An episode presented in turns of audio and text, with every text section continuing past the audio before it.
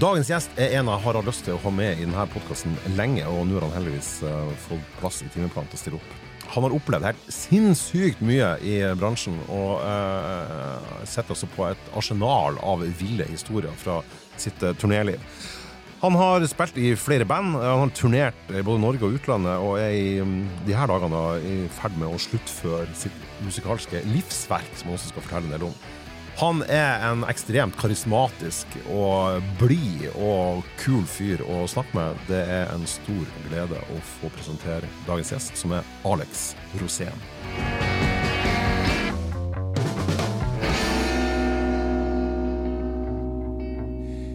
Velkommen, selveste Alex Rosén. Utrolig hyggelig å ha deg her. Tusen takk. Ja. Veldig, det er en ære å bli invitert. Ja, Så fint sagt. du, hva, hva er det du gjør for tida nå? Hva er det du holder på med? Uh, og det er veldig mye Jeg har jo akkurat kommet med en aksjebok, så har jeg jo skrevet veldig mye om uh, aksjer og hvordan investere på børsen uten å tape penger. Ja. Det er et sånt eget kapittel som skjedde pga. korona. Og så har jeg vært i studio nå med bandet mitt, Young Dudes. Som er en slags sånn konstellasjon som jeg henter folk. Noen har vært der veldig lenge. Ja, for det, det, Du ga jo plate med dem for nesten 20 år siden. Eller ja, 2004. Ja. Ja. Og, men eh, det var førsteplata, og så midt i 2009 eh, Who Is The Leader, som vi ga ut, og som vi da var ute på uh, VG-lista og spilte, for de spurte om jeg ville være programleder. Ja. Og da måtte jeg vippe opp en låt kjapt, for jeg sa at det, det gjør jeg bare hvis jeg får synge en sang. Bra deal, det. Ja. Det var ikke så viktig hvor mye penger jeg fikk, det var mye viktigere at jeg skulle gjøre et show. Ja, ja. For jeg må være live innimellom. ja, ja. Så, men det var egentlig starten på det som er det vi holder på med i studio nå. Det, det, for det begynte vi med i 2007-2006. Men så var vi i studio første gangen i 2008, og det ble den VG-lista av 2009. ja. Så, men så skjedde det så mye annet rart, for plutselig så måtte jeg lage mer folk i farta for NRK. ja. Og da måtte jeg bare sette det bandet litt på pause. Ja, så det her er noe som du egentlig, det, det er et arbeid du har holdt på med lenge, som du tar Ja, opp igjen? Ja, fordi den første Alex Rosén and the Young Dude som heter Pre-Wave, det betyr jo før bølgen. Ja. Så planen var at det var bare en oppvarming til den plata som ikke har kommet ennå, men som, Som nå. skulle, ja, som egentlig skulle ha kommet i 2009-2010. Ja. Men jeg er veldig glad for at den ikke kom ut, fordi at eh, vi havna i et nytt studio med en kar som har vunnet i tipping.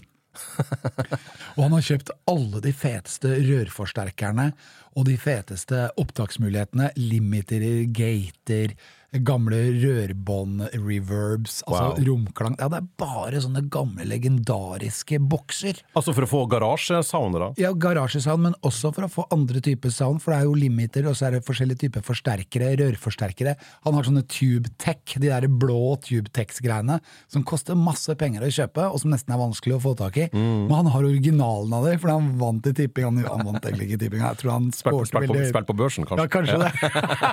det er ikke langt unna. Det var, og det tok helt av. Og så fikk vi plutselig tilgang til det studio.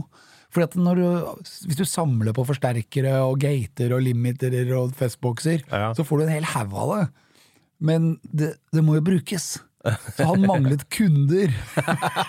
og da plutselig, fordi at vi ble kompis med han Så du var den barmhjertige samaritaner som kom og hjalp han med å fylle det med, med kunst? da? Ja, men, ja, for det er jo to typer mennesker. Ikke sant? Det er de som er han, som tar opp ting, altså din lydmann, og så er det deg som lager det innholdet. Ja. Og jeg føler meg mer som en innholdlager enn at jeg skal ha så innmari mye peiling på hvilken boks som er riktig akkurat nå. Jeg kan forklare det litt, men det er den derre Jeg lager låter hele tida.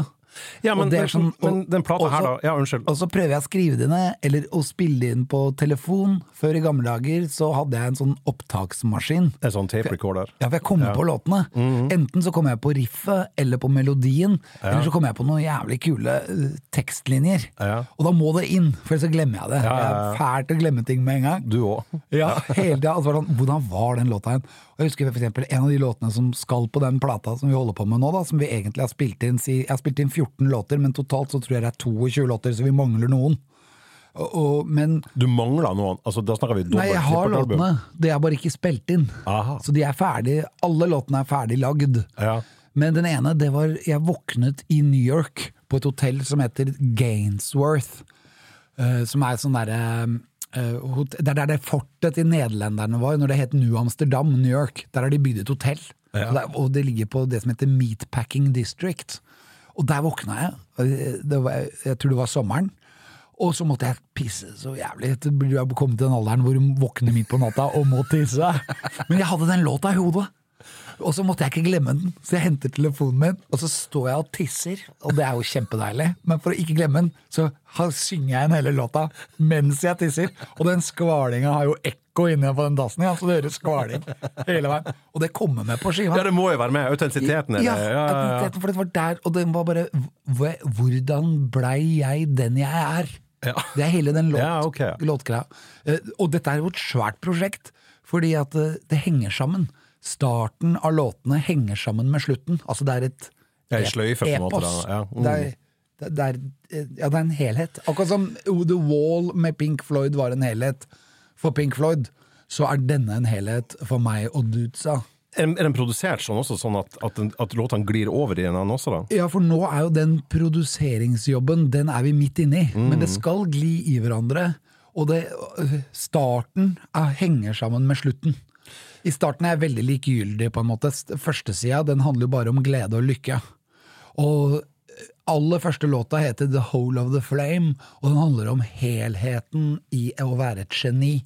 Og jeg snakker ikke om meg sjæl. Jeg snakker ikke om meg selv, for det kan jeg ikke gjøre. Fordi jeg er jo ikke det. Jeg er jo bare en rocker.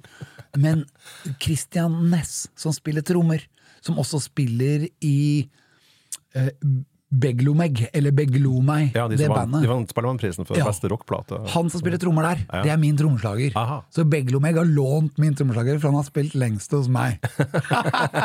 Men han er veldig dyktig. Ja. Helt fantastisk. Han spiller hva som helst.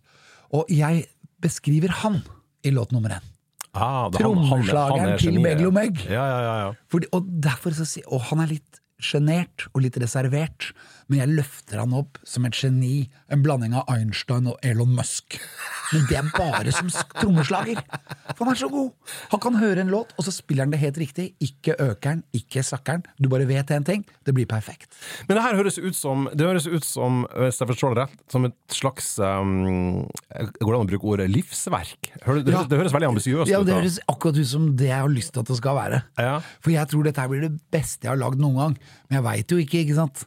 Fordi at for eksempel når vi ga ut Prewave, som egentlig var helhetlig lagd, men som allikevel sprika litt, og så kom Arild Rønsen og sa at dette er bedre enn Beatles. Arild Rønsen! Det er komplimentet sin! er bare bedre Det er ikke, går ikke an å få bedre kritikk! Ja, Arild Rønsen han sa jo også at Justin Bieber var større enn Elvis. Bare sånn, bare, Ja, ja. Bare, jeg, bare, jeg bare nevner det. Jeg vet det! Han er løskanon, men jeg tenkte bare Jeg behøver ikke mer. Han, han, han skjønner alt. Og så vet jeg ikke om han skjønte noe. Eh, jeg skal ikke si hva jeg tror, men folk kan få lov å gjette. Ja, men jeg, Jeg måtte kose han hver gang jeg så han. Det er ikke mange i verden som er bedre enn Beatles, altså. Så da bare Men, men den som kommer nå, da, den, den er også litt fragmentert. Ja. Men for eksempel Skal jeg ta det veldig raskt? Første sida, den geniet Jeg starter med geniet. Og så neste låt heter Plastic Film. Den handler jo egentlig om eh, det å bli skrina, på en måte. Og så er det veldig mye likegyldighet i de tre andre låtene, men det er lykke. Helt til du kommer til side to, for da begynner den menneskelige fornedrelsen og slaveriet Ja. og helvete Ja. og jord. Og det ender opp i en låt som heter All Holes. Og hvis du søker på, hvis du er på pornosider, og du søker søker All, All Holes, så får du damer som blir penetrert i huet og ræva, for å si det mildt. Men det er på en måte slave of the world. Når John Lennon sier 'woman is the nigger of the world', sier vel han, men det er jo nært slave. ikke sant? Det er, det er knytta sammen. Og det er der det ender. I denne side to og inn i side tre. Da er liksom alt Side nede. tre, ok, alt da, da, snakker vi dobbeltalbum. ja, det er dobbeltalbum. Ja, mm. det, blir, det blir to LP-er. Og jeg har lyst til å gi det ut uten å ha det på Spotify. Så du må ha vinylspiller for å spille. Så vi bruker mye analoge sånne følere Ja. for å lage analog riktig lyd. Jeg er veldig lei av den der datalyden. Og den datalyden dukker opp overalt fordi folk bruker veldig mye skal du si singback-løsninger, om det er rappere eller hva det er. Du ser ikke en eneste trommeslager på scenen. Det går en datamaskin i bakgrunnen, og det er ikke alltid det er så bra lyd der. Nei, og det du sier også i stad om eh, sånn som Pink Floyd. Ja. Eh, Når du hører på den på Spotify, så får du et litt sånn knepp imellom. Det glir ikke sømløst. Nei, det gjør ikke det. For at det er digitalisert. da. Ja. Det er jo kjipt. Det er veldig kjipt. Så det her skal gis da ut på, på, på, vinyl. Ja. Det, høres, det, høres, det høres veldig dyrt ut det her, Alex. Ja, men vi har jo holdt på så lenge, og når jeg har alle låtene ferdig det, kommer til, det kommer ikke til å være noe Jeg kommer ikke til å tjene noe penger på det, Nei. men jeg må gjøre det. Ja, altså for, for din egen del. Ja, og ja, det er bare for min del, og for at den pre-wave, den lovet jo noe i tittelen. Ja, ja, ja. Og det er det som egentlig er the wave. Men når det ble krig i Ukraina, så tenkte jeg det at den kunne ha hett Ukraina. Den skal ikke hete Nei. det, fordi at det hadde blitt helt feil. Men den kunne ha hett det. Ja. Fordi i denne plata så jeg, jeg på en måte predis... Altså pre- pre-predicts. altså jeg, jeg, spår at det kommer til å skje noe sånt i den plata. Mm. Så når det skjedde, så var det akkurat som at det Det er akkurat det som sto i plata, jo. Det skulle ønske at det- plata var omvendt, at, at det var en lykkelig slutt på det. Så kunne, så Ja, kunne det er- profeten Alex hadde Ja, gjort på oss. slutten ja, er, men slutten er Jeg kommer med noen løsninger. okay, Siste ja. låta er helt fantastisk. Den er i, i Rocky Eriksen-tradisjon. Oh, Rocky Erickson. la You Gonna Miss Me med 13 Floor Elevators. Ja, debutsingelen til Ja. uh, Third Floor. På ett ja, og det blir Ja. singelen vår også, på et eller annet tidspunkt. Fantastisk. Ja, har, du, har du screamsene inne da? Den heter Cut Ja, Screams er der. Ja. Men uh, den, det er innholdet i den siste låta som heter Cut Loose. Som er så bra, for dette, den sier bare sånn at eh, du må egentlig ta vare på deg sjæl, og så får alle disse problemene seile sin egen sjø. Ja. Det er, det er løsningen her på slutten. Fordi at jeg, jeg klarer ikke å være positiv Jeg er jo en positiv person egentlig når jeg driver med humor, men når jeg driver med låter, så er det mye bedre å være negativ. Fordi det blir ektere. Det er viktig at det skal være Ja, jeg er jo veldig, veldig, selv, veldig, veldig mye mer glad i det negative og det mørke i både musikk og film og litteratur. Ja. Jo mørkere, jo bedre. Helt enig. Mm. Fordi at, og for eksempel når jeg lagde eh, Nå har jeg veldig mye jeg har lyst til å si akkurat nå, men jeg skal prøve å For jeg kommer til å glemme noe av det. Men det er noe med at eh, skal du være glad inni deg, så må du være god til å være lei deg inni deg. Ja, så er det et slags yin-yang-forhold òg. Hvis du ikke kjenner eh, verdien av kulde, så vet du ikke hva varme og Nei, ja. smerte, eh, Så, godhet og jeg er veldig glad i å være lei meg, og Mm. det gjør at jeg er glad i å være glad òg. Det er jævlig rart, det der. Men for eksempel en låt vi hadde her, det var øh, låt nummer Jeg husker ikke helt hvor den dukker opp, men den heter Street Trash. Og den handler om folk, søppel, altså folkesøppel. Ja. Folk som ikke har kontroll på noen ting. Og jeg kan uh, se meg sjæl veldig lett i den Det er ikke noe dissing av folkesøppel, det er mer hele ærligheten av det mørke på søppelnivå. Uh, Men de føler også kjærlighet. Så når jeg skulle lage den låta, så visste jeg at denne her må handle om de ti alkoholikerne som dukker opp i filmen Street Trash med Jim Morrow. Har du sett den? Nei, ikke sant. Den er fra 1981-1980. Det er en utrolig bra B-film. Ja. Den er elendig dårlig, på en måte. Men den er altså ekstremt. Det er smeltefilm i kategorien smelting. Og det betyr at folk smelter da, i filmen. Og det er ti alkoholikere. Så når jeg, for jeg brukte ChatGPT til å finjustere teksten min. Og det ble så bra, for at den, den ChatGPT nektet å skrive noe om Street Trash, den filmen. For han sa der It's offended that people are melting. Ja, ja, ja, han ble støtt og ja, Så ja. jeg måtte skrive om, fordi kjærlighetsforholdet handlet om han ene alkoholikeren som smeltet. Men han forelsket seg i en dame som også var alkoholiker og uteligger og møkkete. Men det kjærlighetsforholdet der var jeg interessert i. Å prøve å beskrive hvordan det er når begge to er på den nederste stigen i eh, hierarkiet da, i verden. Når du er på bånn der, hvordan er det da å føle kjærlighet, og du vet at du på et eller annet tidspunkt skal smelte? Det visste ikke han, da, men han gjør jo det i filmen. Ja. Og hun dama tror jeg også smelter. Men da tenkte jeg at det vil jeg finne ut av. Så da ba jeg med utgangspunkt ChatGPT komme med en tekst om kjærlighetslivet til de to i Jim Merrows Street Trash. Og han hadde så mye problemer. Og, men det løste seg når jeg skrev. Ja, eller, ja, for det, Den, My. A1 er jo en litt sånn han-tryne, da. Men det han gjorde bra Hvordan jeg fikk ham til å gjøre det, da, for han nekta jo hele tida, det var with respect. Når jeg la til det på slutten, Ah, så da funka det! Da kommer de alle de løsningene!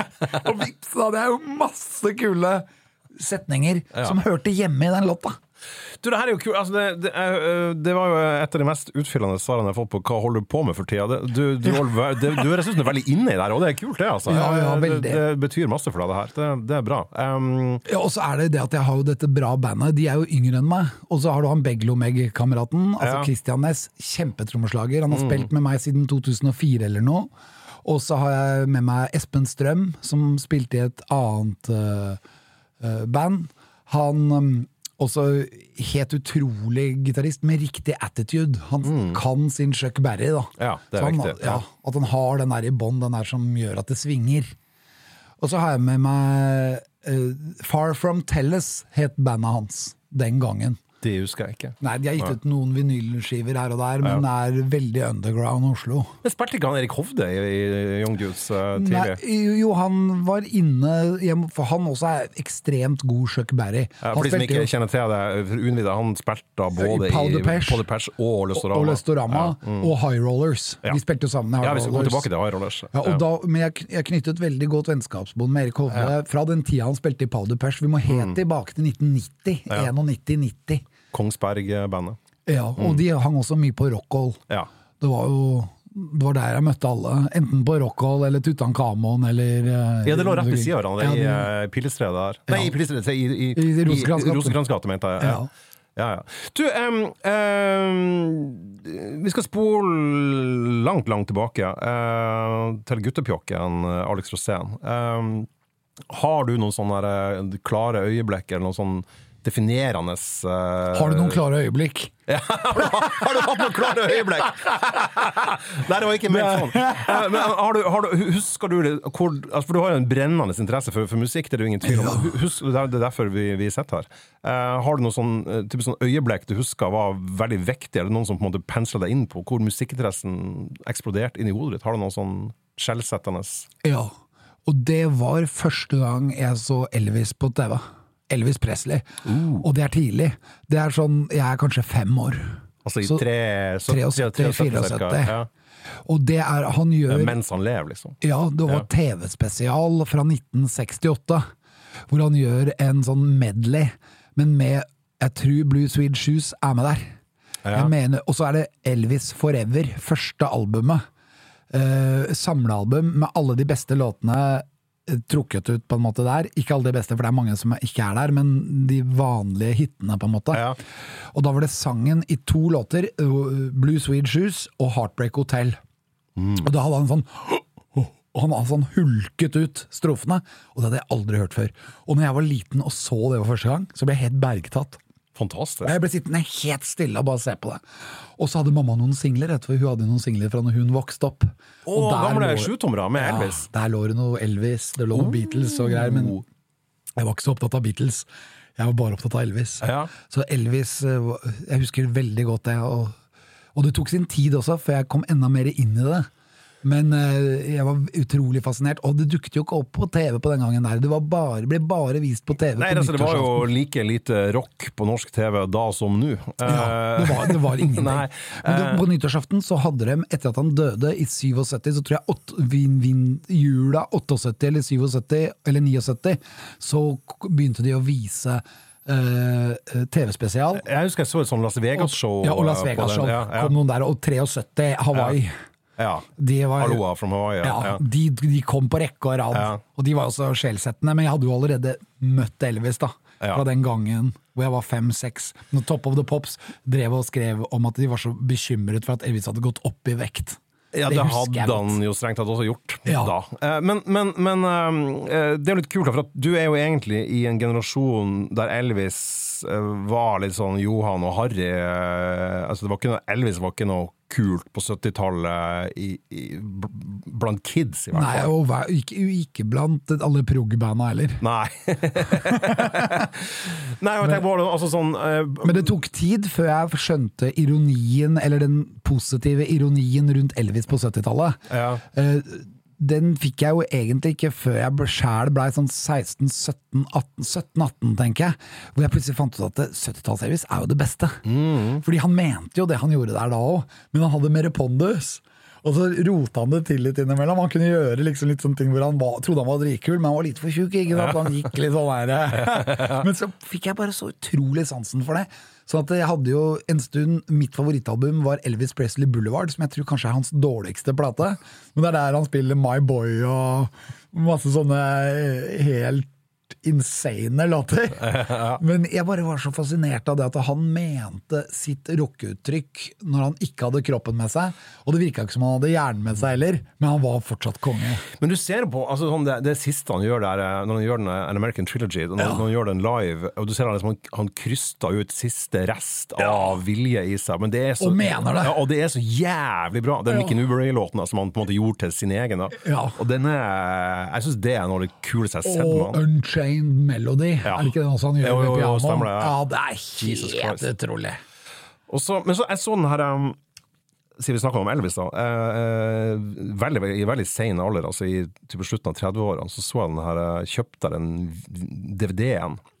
That's the way it is. Ja. Og den da Det var ti, tidlig 70-tall, men da har han fortsatt sånn stålkontroll. Ja. Det, er en, det er til dags dato noe av det kuleste jeg har sett av Ja.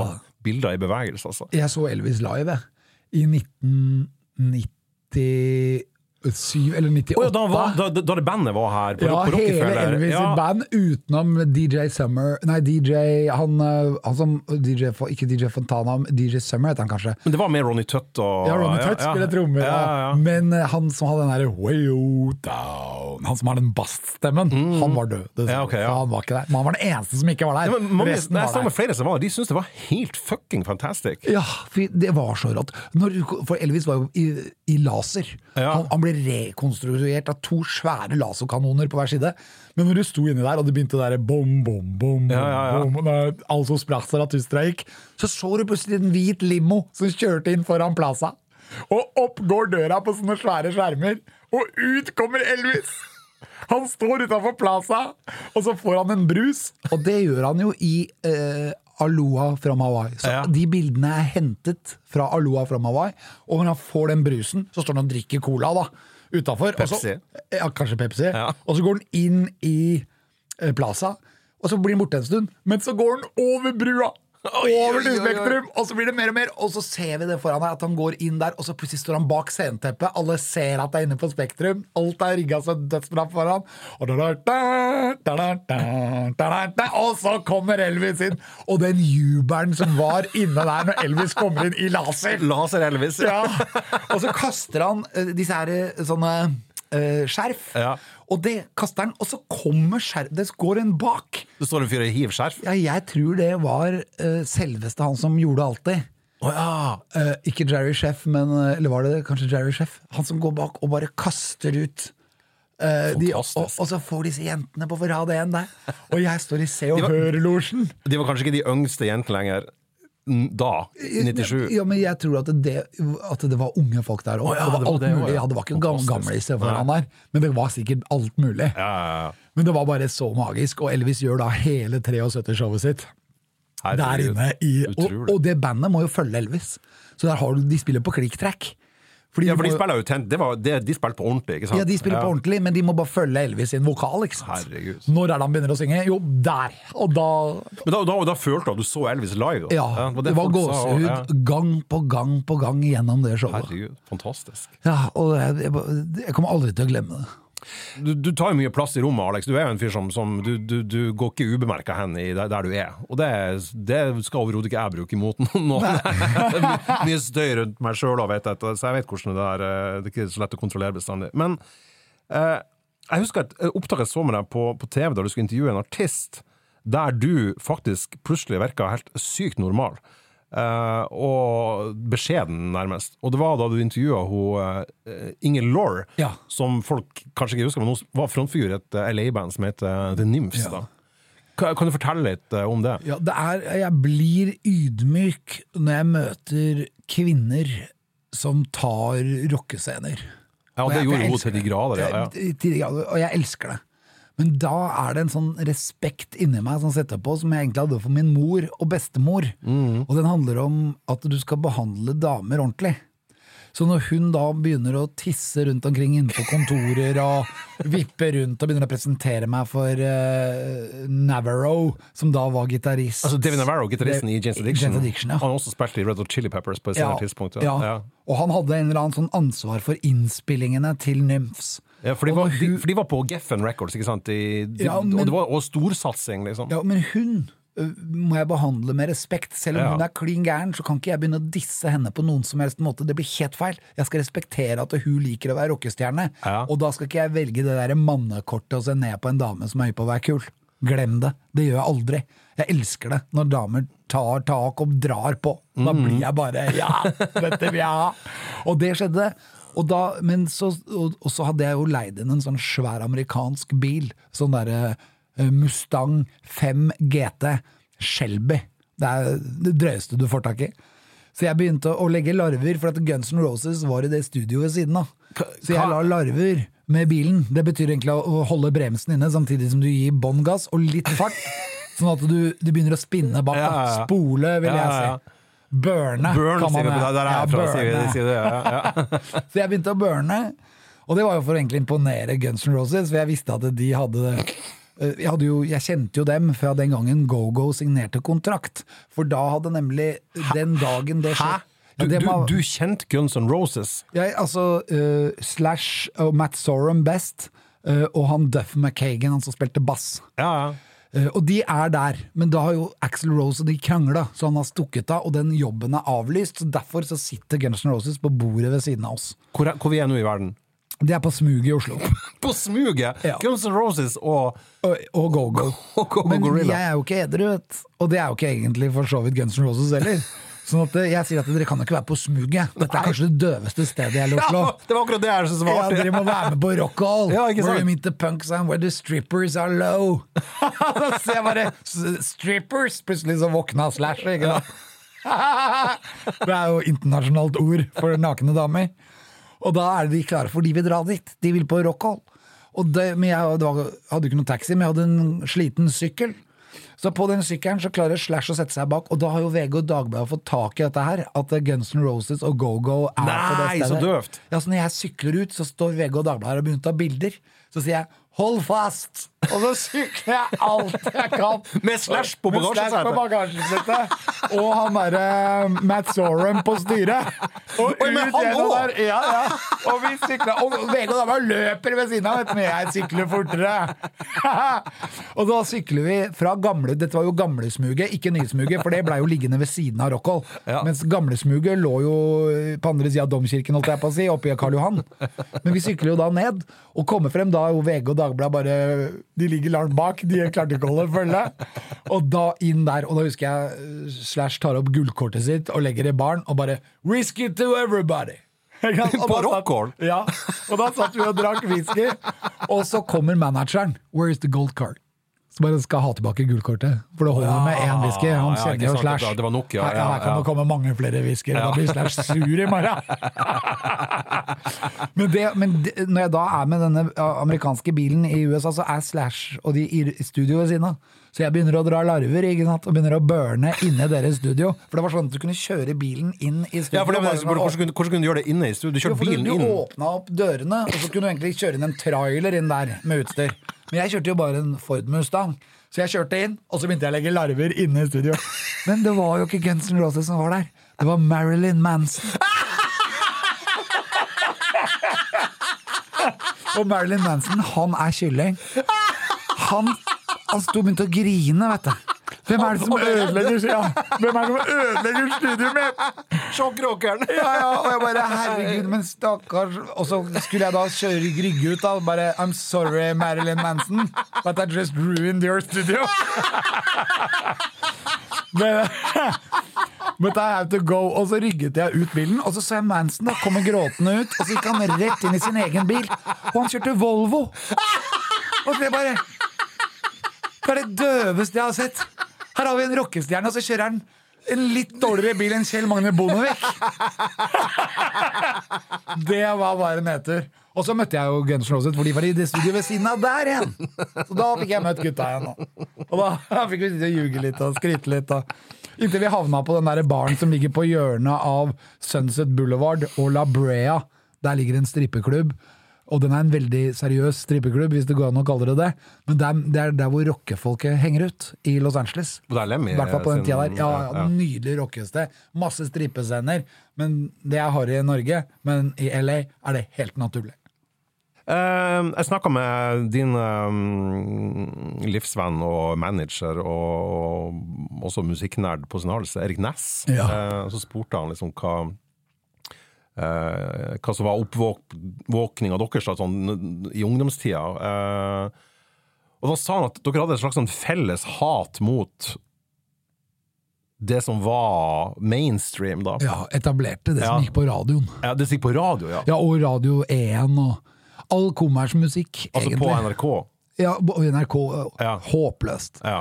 Som spilte jo bare mæl hele tida. Og det gjør de med ennå. Jeg kan ikke Ja. høre på NRK. Må bare gå videre. Og så Jeg syns det er mange elendige radiokanaler. Det, er, det er jo ingen som spiller den musikken jeg vil høre.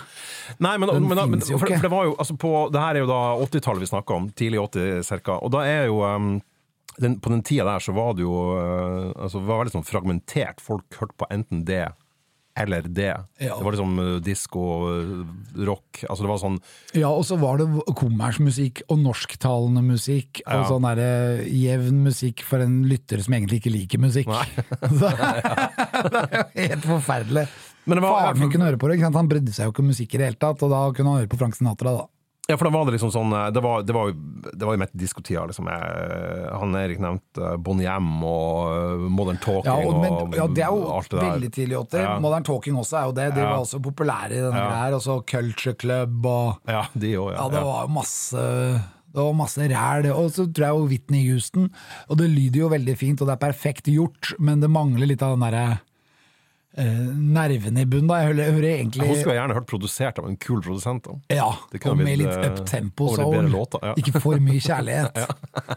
Litt mer darkness, ja. Ja, litt mer litt, litt mer darkness. smeltemennesker. Ja, for jeg elsker jo soul. Ja. Og det er noen fantastiske artister der. Men også er jeg veldig sånn Jeg samler jo masse på plater, men alt jeg samler på, er gitt ut før 73.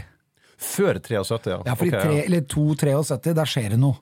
Eh, Da går man vekk fra den gamle firesporsen, som var opptaket som for eksempel Elvis brukte, eller Beatles for den saks Mm. Ja. skyld.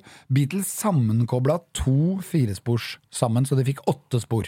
Så når du ser han der gamle produsenten deres driver også viser det på TV, Martin. ja, da må man alltid forholde seg til de åtte sporene. Ja. Og det er jo eh, helt utrolig, for at når du lager musikk der, så må egentlig alle i bandet spille inn alt på one take. Mm. Så kan du ping-pong-mikse, men det er veldig sjelden de spilte på hele instrumenter etterpå. De spilte som oftest inn fill-ins og Men- småting. men- Men, når du, når du ping-pong-mikser det ned, så må du si ha det til det, for da kan du ikke gjøre det en gang til. Men hvorfor gjør du ikke det på, sånn, eh, på samme teknikk sjøl nå, da, når du spiller inn livsverket ditt? Ja, For nå er det jo data Ja. overalt, og skal du ha tak i det gamle utstyret, som f.eks. sånne analoge opptaksmaskiner, Ja. så må du jo dra på loppemarked. Ja. Eller du kan dra opp til NRK. NRK har masse av det i kjelleren, hvis de ikke har sendt det til Jugoslavia, eller hvor enn de sender det. Jeg vet ikke hvor de sender det, men det, det forsvinner ut av huset på et eller annet øyeblikk. men det, å gjøre det på den gamle måten, det er eh, I hvert fall på disse gamle singlene, så hører du at det, sånn musikk lages ikke lenger. Ikke? Det kan, du kan være fullt band, fullt rockabilly-band fra 50-tallet, og når det skal være saksofonsolo, så hører du bare den saksofonen. Alt annet forsvinner, og så er det saksofon i fire takter! og det er fordi at de ante ikke hvor saksofonisten skulle stå. Han står jo aldri på rett sted. Så jeg vet ikke hva det var problemet med saksofonene, men de trodde de spilte et lavt instrument, men saksofon er som tamburin. Den bryter gjennom all lyd. Ja, og særlig sånn i et band som jeg vil tro du også liker, siden du er eh, glad i garasjerock. Altså bandet The Sonics, da. Ja. som er på en måte garasjerockens gudfjære. Der er jo saksofon eh, nesten et sånn ekstra en ekstra vokalist, nesten, Ja. som skriker. Ja. Mer enn at det høres ut som et eh, jazzinstrument. Altså, det høres ikke ut som Coltrane, det høres bare ut som et sånn, enda en fyr som står og skriker. Ja. Rosley, liksom. ja, men det er så Og så overtar den litt av lydbildet. Fordi han, og, og det var for, på, på grunn av Hvis man skulle ta opp for når Sonic starta, så hadde de toppen to spor. Ikke sant, 65. Kan- kan- 64 kom første singel. Ja, da var det to spor. Kanskje fire, men da hadde de veldig bra utstyr. Var det garasjeband, så hadde de ikke mer enn to spor. Og da overtar den saksen egentlig alle de andre instrumentene, og så må de stå i avstand fra mikrofonen. Sånn at eh, vokalisten sto ofte nærme, for han var lavest. Og så satte de trommene lengst vekk, for de bråkte mest. Men hvor i forhold til det her skulle da saksofonen stå? Han tok jo alltid feil, så han står jo alltid for nærme. Og alle folk i instrumentopplegget vil jo gjerne stå nærme, for da høres det. Og, og gitaren er der og sånn. Men når de da tok det opp, så måtte alt tas opp in one take. Så når du hører på gamle Elvis, eh, sånne fanplater med alle takene til It's Now or Never eller en eller annen låt, da, så ser du det at det, kanskje brukte de opptak nummer 14 eller opptak nummer 22. Men så er det alle de imellom hvor de gjør feil. Mens i dag bør du ikke gjøre det. Med en gang trommeslageren er ferdig og han har det på stell, så kan du bare begynne på bass. På neste, ja. Sant? Men det kunne du ikke i gamle dager. Nei. Og det gjorde at de banda var så bra. Samtidig så blei lyden i USA, når de lagde singler, så skrudde de seg på pop-up-meterne, da, som er disse her eh, som viser hvor høyt du spiller inn ting. Så spilte de inn opp til det røde i USA. Men når de kom opp til det røde, så dro de med en halv gang til for å komme litt opp på det røde. Men i Norge og i England så kom de opp til det røde, og så gikk de et halvt knep ned for at det ikke skulle være på det røde.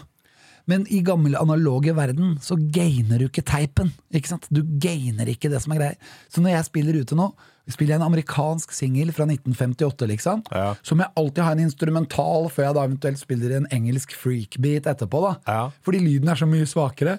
Og hvis jeg ikke gjør det, så faller bare den freakbeaten igjennom. Oh, ja. For da hører alle lyden fra den forrige amerikanske singelen. Ja, ja. Og det syns jeg er så utrolig. Men hvor kom den interessen der? For altså, Freakbeat, eh, det er jo snakk om eh, Da snakker vi om britisk eh, garasjerock fra primært 60-tallet. da. Ja. Og, og, og Sonics er jo da mm, amerikansk, fra. Seattle i eller Ja, Texas Washington, punk. da. Ja. Ja. Nei, det er ikke Texas, det er, det er vestkyst, faktisk. Ja. Men, men, men, men uh, interessen din for de her tingene, uh, hvor de kom hen? Altså den obskure garasjerocken og alt der? For det er jeg Jeg var- jeg veldig veldig glad i det sjøl. Jeg var veldig opptatt av Rolling Stones. Ja. Mer enn jeg var opptatt av Beatles.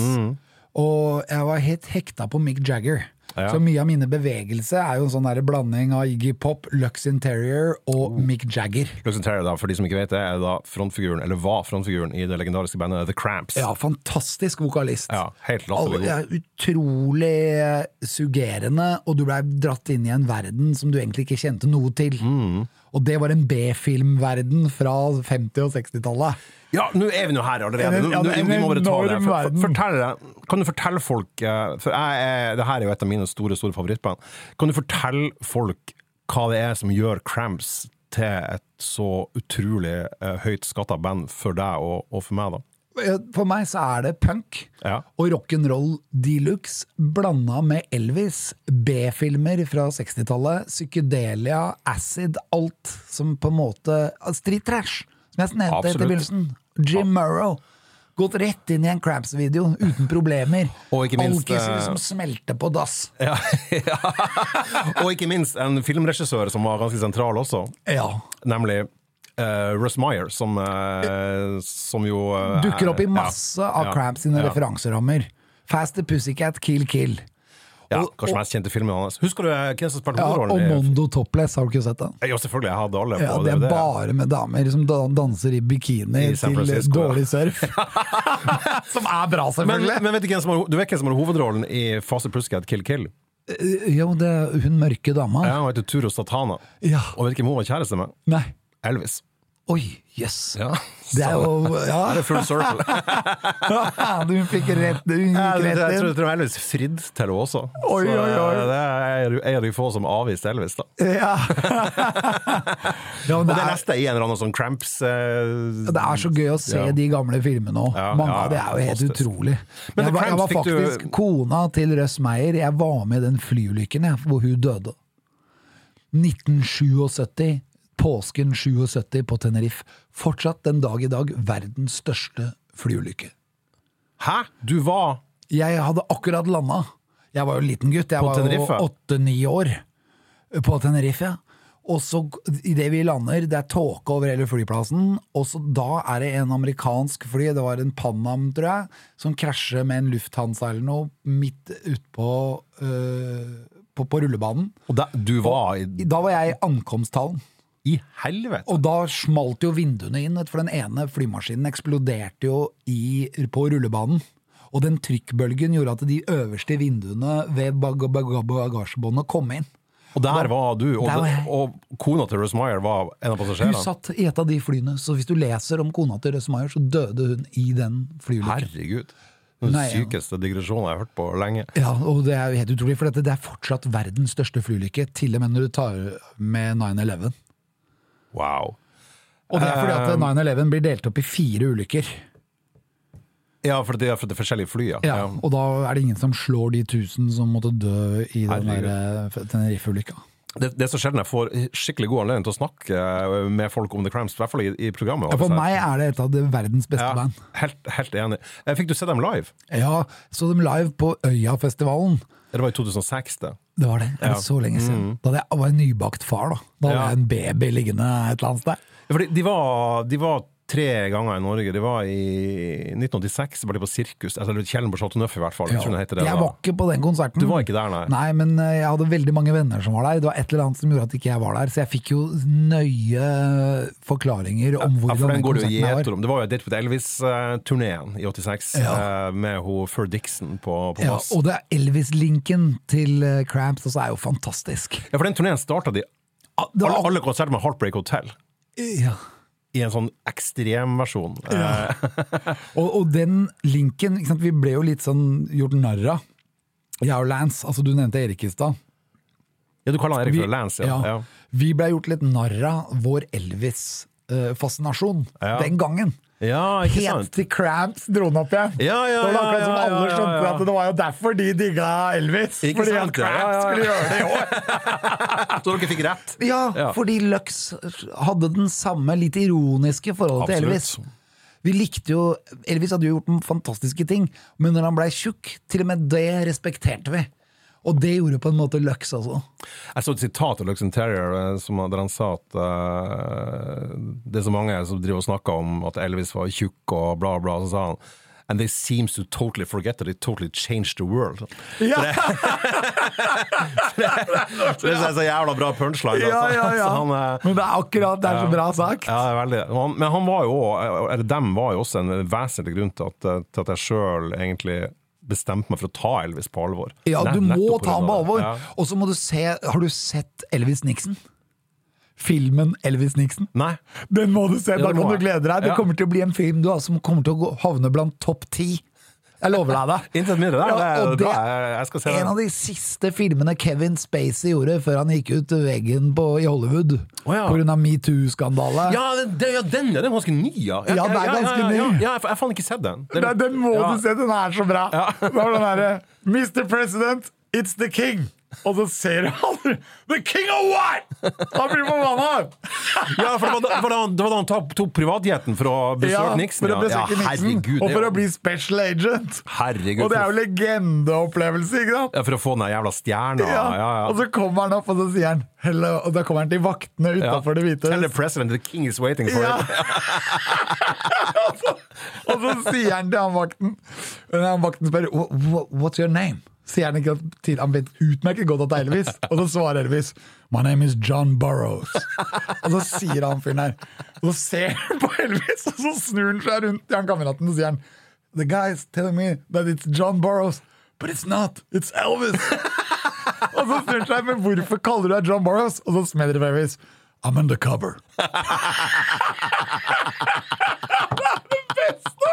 Og det er, det er så gøy. Er så, han er så konge. Du skjønner i den samtalen Elvis har med Nixon, så skjønner du hvem som er konge. Ja, for den storyen der er så jævlig vill. For at, eh, altså Nixon er jo da selvfølgelig president i USA, eh, og, og Elvis er jo da eh, ukrona konge, men det, Ja. den definitive kongen av rock. Og han eh, midtveis Han kommer jo inn i det ovale rommet, eller hvor faen det er inne i Det hvite hus. Så drar han jo plutselig opp en kolt. Ja. Eh, Som er gave til Nixon. Der står det jo Blant annet var han, Nixon hadde en norsk livvakt da ja. som eh, har fortalt om det her til Dagbladet. Og, sånn, og, da, og da drar han opp en Colt! Og der står presidenten i USA! Og det var gave til Nixon! Men de nekta han å gi den gaven, Ja, ja, ja. så de skulle jo ha den colten vekk. Ja, ja, ja. Og nei, Elvis skjønner jo ingenting av det!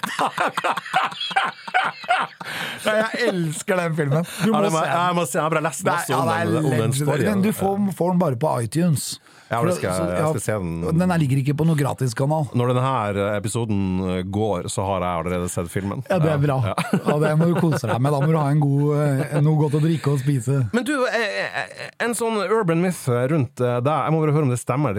Stemmer det at han her eh, eh, Dr. Nick, den store eh, pilleutskriveren til Elvis, at, at han, han har behandla deg? Ja, han kurerte meg. Det er sant, Ja, ja! det, ja. Og det er helt utrolig. Fortell. Ja, for, sant? Vi skulle jo da, Jeg skulle møte Arne Lydmann. Arne Lydmann var en kar jeg hadde med meg overalt. Ja, dere var overalt. en Ja, i, Arne Skei ja. ja. fra Tromsø. Ja, ja, ja. Eller han er fra litt sør fra Tromsø, men han holder til på NRK Tromsø. Og han var jo verdens beste mann. Veldig trivelig mann. Bor i. Tromsø fortsatt. Ja, og så lander jeg i, Da var jeg på turné med Go Go Gorilla. Sikkert spilt på Rogers og vært på i Nord-Norge, egentlig. Jeg var, jeg var på den Rogers-konserten. og da var jeg så sliten, jeg var så, for det var jo konsert hver dag. Og jeg skulle ha en flaske vin hver dag, for jeg skulle ha den på scenen. og lært av Lux. Som, som Lux Interior. ja, ja, ja. skal alltid ha den der, og bar overkropp og come to daddy, liksom. Og gullbukse. Ja, gullbukse. Som, som også Lux Interior ja, hadde. ja, ja, det skulle være ekte, ikke sant. Og så hadde jeg susp under, med spikes. Jeg endte jo alltid opp i suspen til slutt. men, men eh, så lander jeg der, og så får jeg en sjukdom. Da jeg sittet på det flyet ganske lenge. Så når jeg kom, lander i eh, Memphis, så har jeg ca. 39,8 eller noe i feber. Ok, da, du, du er- er på vei til USA for å lage den For, for å møte Arne Lydmann og Ja. lage åpningsscenen til U2. Altså andre sesongen av U. Ja, Dette der- der du begynte som statsreporter. Ja, Ja. 1992. Ja. Cirka. Og, men da hadde jo jeg hatt konserter kontinuerlig med Go Go Gorilla, så jeg var egentlig rett og slett bare kjørt. Og så hadde jeg fått denne feberen, så jeg måtte bare på hotell og sove, sier jeg. ikke sant? Og da blir jo NRK fortvilet, for at da har jo dem sendt over ti stykker. ikke sant? Ja, herregud. Ja. Mange, lisen, mange lisenser. ja, mye penger som har gått til spill her. Og sier hvordan skal vi få Alex frisk? Han kan jo ikke ligge her i tre dager nå, vi venter på at han skal bli frisk. Så sier jeg vi, vi er jo i Memphis. Her er jo Dr. Nicopolis. La oss finne Dr. Nick, liksom. Og, da bare, og så finner vi ut at det, det er noe som heter Dr. Nicopolis Medical Center. Det, hadde- det, det var det da i, ja, i Memphis? han hadde fått sitt eget sjukehus. Og da ringer vi jo til han, så sier vi at eh, Alex er syk, og han vil ha deg. Siden du hadde fikset Elvis, så kan du fikse han. Jeg må bare, No- skyte- jeg bare, bare, unnskyld meg, jeg bare å pause her. Jeg må bare fortelle for folk som ikke vet det. Altså, Dr. Nick her, det var altså en mann som han, altså, I 1977, året Elvis døde, så tror jeg han skrev ut 10 000 forskjellige eh, medikamenter til ham, deriblant amfetamin og masse sånn. Så Elvis trodde jo ikke at han brukte narkotika. Ja. Han fyren her var jo pusheren hans, egentlig, Ja. i, men lege. Så okay, Han hadde vet- to pushere. Ja. Han ene ga han medisiner, han andre ga han gull. Ja. Alle med seg egen gullmann Men òg. ok, så, du, så det, er han her fyren du vil ha til å Ja, for jeg visste at han hadde Ja. fiksa Elvis når Elvis var i dårlig form. Ja. Så fiksa han det. Og jeg var nødt til å være i god form, for jeg var nødt til, vi var nødt til å filme dagen etterpå. Ja. Og da må jeg jo ha overskudd. Så går vi til han, og vi kan filme hos han. Så Og det var ingen til problem, liksom? Nei, foreløpig ikke noe problem. Nei. Det skulle jo dukke opp problemer. For vi dro jo da med hele NRK-teamet, for de ville jo filme at jeg var hos han og ble fiksa han. Det var jo once in a lifetime experience. Og jeg kommer dit, og så bare kommer sekretæren hans ut og sier ingen filming, all, det skal ikke filmes noe sted. Vi fikser han, men ingenting kan dokumenteres. Så da må de stole på meg da når jeg kommer ut. Men det som skjer da, er at da kommer jeg inn til Dr. Nick. Og inne hos Dr. Nick, han bor på et sånt svært Kontoret hans er gigantisk, med gullplatene til Elvis over alle veggene. Inne på kontoret sitt, Inne ja. på kontoret. Ja. Ja. Det var ikke noen tvil at det var Dr. Nick. At det var gaver fra Elvis, og det var liksom Han flasha alt han hadde fått. Og så setter jeg meg ned, og så ser han på meg, og så sier jeg at I'm sick, but, but I need to go on stage tomorrow. You gotta do with me like you did with Elvis. Og så sitter han der, og så ser han på meg, og så sier han OK. og så kjenner han litt på meg her og kjenner litt der og tar litt tempen og sånn. Og så gir han meg, så sier han du må legge deg her. Så må jeg legge meg på en sånn seng.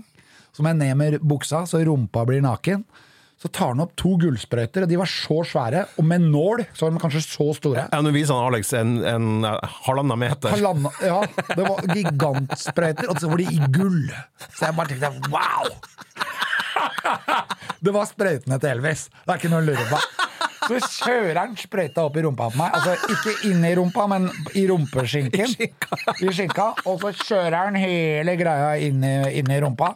Og jeg husker jeg ligger der og bare, og bare kjenner at den ene rumpeballen blir veldig stiv. Men han hadde to. Så han har tatt den ene, så tar den andre i den andre rumpa. Så begge rumpeballene mine de ble helt stive. Og så kjenner jeg at feberen slipper takk. Der og da! På ti minutter! Det var sånn tuk, tuk, tuk, tuk, tuk. Så får jeg en så stor jawbreaker av en pille. Det, viser han altså størrelsen av ei stor klinkekule. Stor jawbreaker. Ja, Hvis du husker ja, ja, ja, det husker det, Det Ja. godt det, altså, så hardt å Og den måtte jeg svelge.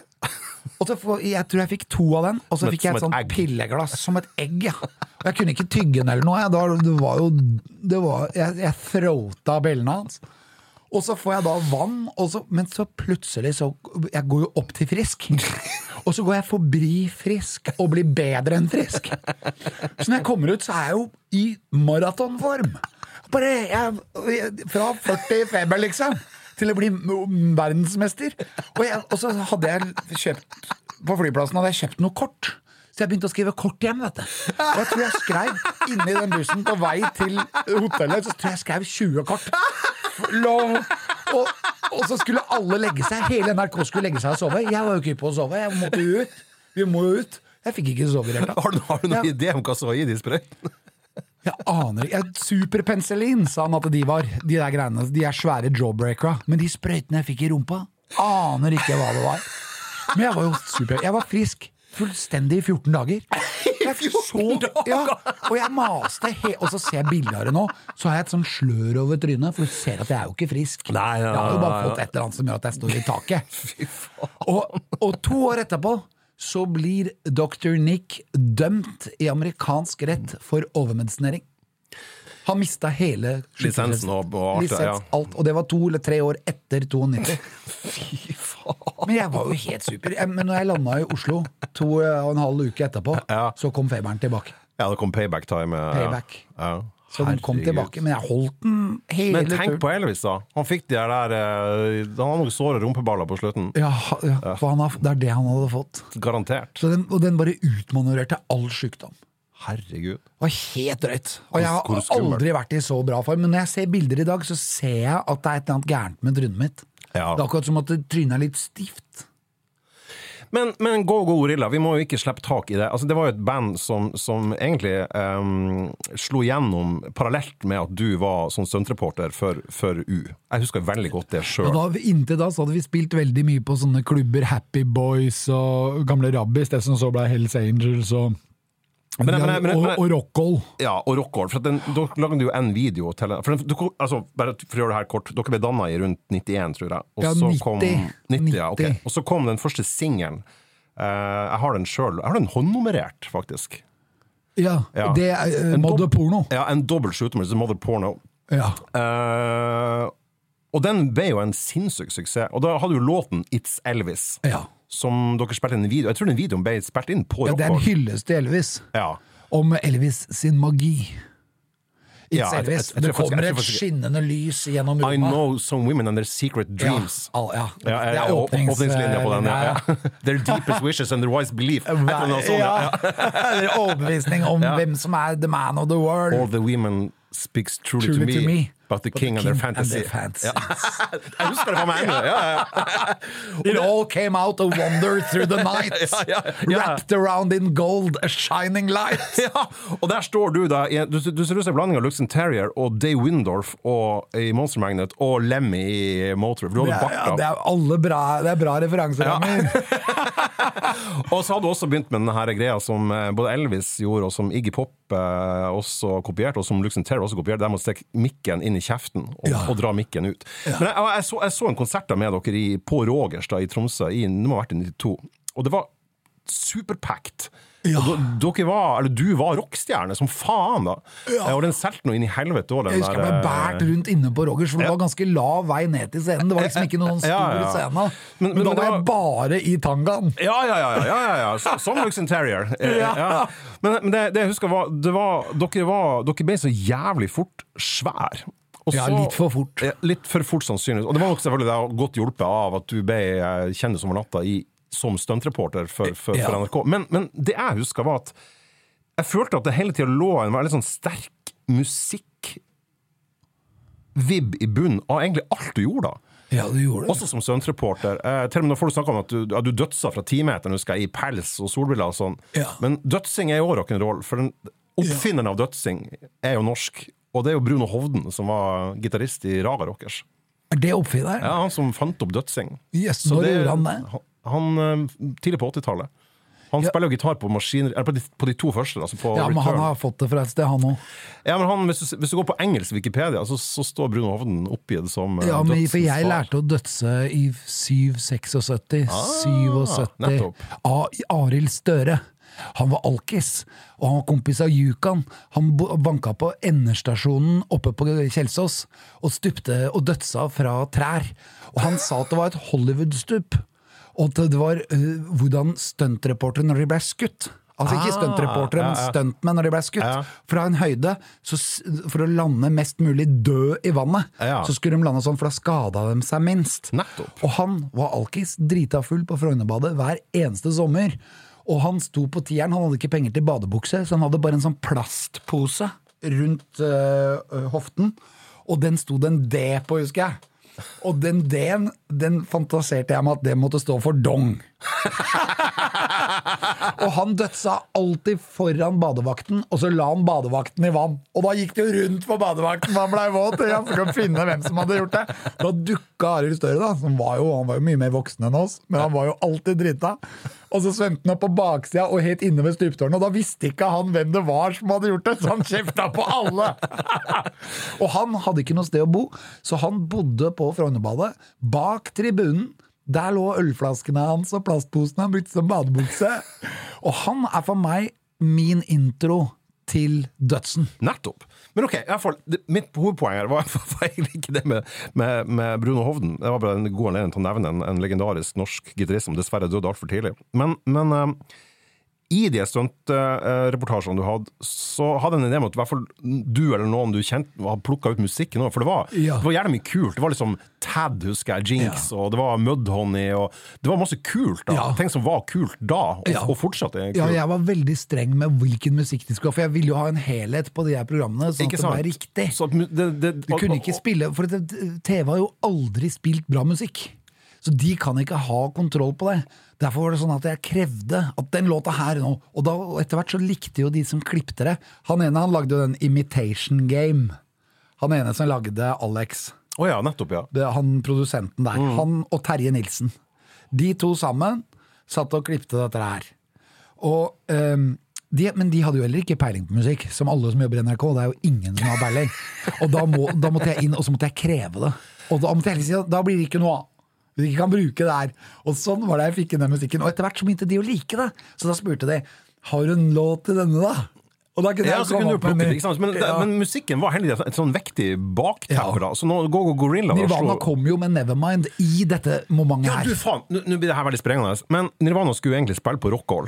Og, Nei, de skulle spille på Nei. Circus. Circus var det, Ja. på kjelleren på Chateau ja. Og så, og, der, og, det, og, så, og så kom Nevermind, og så slo de gjennom, og så ble det Og den kom midt i 91. Den kom i kanskje september-oktober. Jeg husker jeg fikk tak i uh, demoen til Nevermind. Da var den ikke ute ennå. Og da skulle vi pusse opp Beach Club, som lå på Aker Brygge. Den Ja. hadde jo akkurat åpna. Ja, ja. Og da når vi pussa opp Beach Club, så spilte jeg Nevermind for alle der. Og den tok jo helt av inne, og ingen hadde hørt det. ja, alle husker første gang de hørte Og dagen den, etterpå så kom jeg opp igjen. Jeg kan ikke sovet et sekund den natta når Nevermind kom ut. Jeg var jo så Jeg var jo full når jeg kom på jobb. Og da husker jeg da var sånn Jeg skulle møte Yvonne Durant, som var en jente som red uh, galopphester på Øvrevoll. Og, men da sier han at du kan ikke møte henne sånn som du ser ut og sånn som du lukter. Så da fikk jeg gassmaske. Så hele intervjuet av henne er gjort med gassmaske! For jeg hadde så dårlig ånde! Det er bare, det er ett av de opptakene, men det er natta hvor demoen til Nevermind kommer ut. Men stemmer det at Go Go Gorilla skulle være support for det? For det? Ja, vi ble spurt om ikke det. Sant, ja. Og, men jeg vet hva uh, Kurt Cobain gjorde på den tida. Fordi den Kurt Cobain-filmen, den forteller det. Og dette her skulle være kanskje i mai.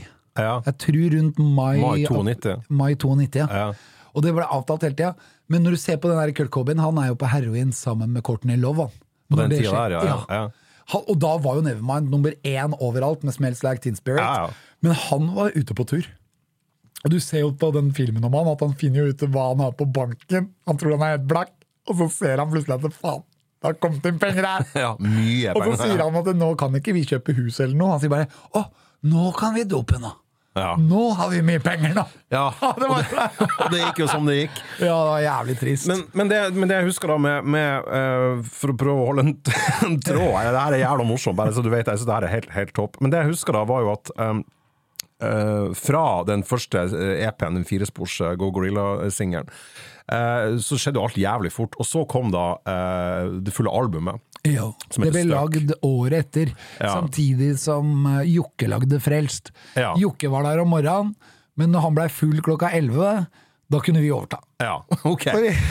men men den, den ble jo uh, Den slo ikke like godt an da som, som debuten. Det går an å si det uten å, uten å overdrive. Eh, og, og det, så du, du, du var jo Du fikk jo en enorm opptur, som var helt sinnssykt kjapp. Og så Ja. kommer jo nedturen ditto. Kan du fortelle litt hvordan det, der eh, opplevdes fra innsida Ja. hos deg? Ja, det var jo veldig mye konflikt i GoGo på den tida der. Det var jo masse krangler inside i bandet. Eh, og det, det tok mye mer av min oppmerksomhet egentlig enn det der, men her var det jo også plateselskapet som hadde lagd en plan. Og jeg forholdt meg egentlig ikke til den planen, for jeg tenkte bare det at eh, vi, må, vi skal fortsette å lage musikk. Og at eh, vi er, om vi gjør det sånn eller sånn eller sånn, det har ikke så mye å si, for at vi kommer bare til å fortsette med det vi skal. Men sånn blei det jo ikke, fordi at alle var jo negative. Plateselskap var negativt, TV var negativt, uh, all og fansen begynte å, å droppe ut. Så vi begynte å spille på mindre steder, men der kom det folk. Så det, det kom folk også. Og så bytta vi trommeslager pga. disse kranglene. Og jeg tenker sånn at hvis jeg hadde vært eh, sånn som jeg egentlig burde vært under Go-Go sine glansdager, da burde jeg ha vært eh, diktator.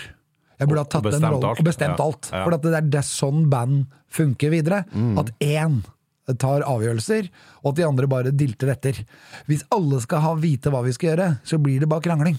Men det, jeg var, hadde ikke nok livserfaring til å skjønne det. Men jeg skjønner det nå. Ja.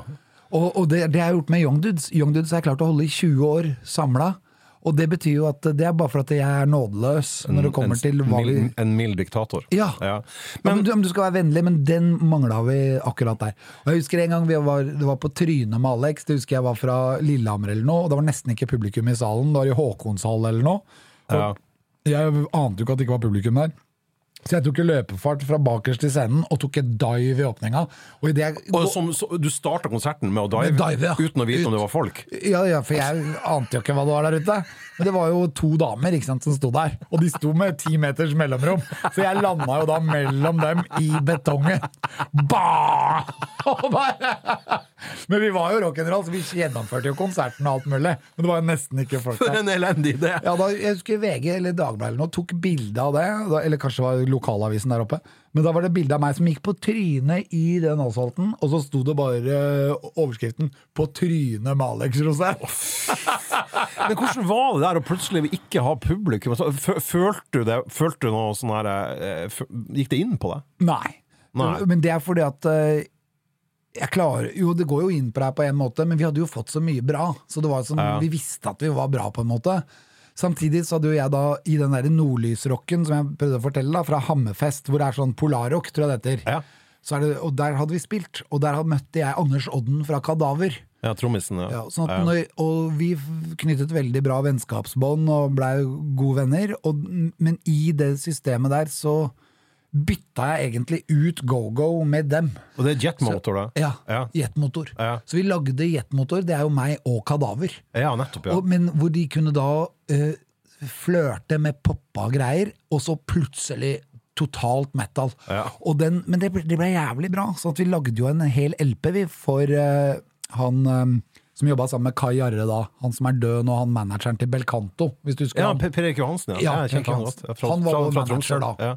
Var han manageren deres? Ja, han var Han manageren til Jetmotor. Ja, Fyren som signa Madrugada og Lene Marlin og Ja, masse. fantastisk fyr. Helt fantastisk jeg elska han. Mm. Og, og han var uh, aldri noe hindring. Det var, han hadde ikke noe sånn second plan som han ikke fortalte om. Han var helt åpen. Mm. Og, og han booka oss rundt omkring med jetmotor. Vi gjorde masse konserter, sånn 93-94. Ja. For Gorilla blei oppløst sommeren 93. Ja. Høsten Men den skiva der, den, den låter jo bra annerledes enn den singelen. Ja, det var jo Da er det jo Jørn Christensen. Det er jo forskjellige produsenter Ja. her. Jørn Christensen var produsent på den. Det var en Jørn, ja. Ja, Altså legendariske, sammen- legendariske gitaristen til eh, Depress og Mercury Motors. Mercury Motors, og helt riktig. Dag, Fantastisk og, fyr. Ja, Og- sinnssykt god. Han produserte de fleste Drillos-platene.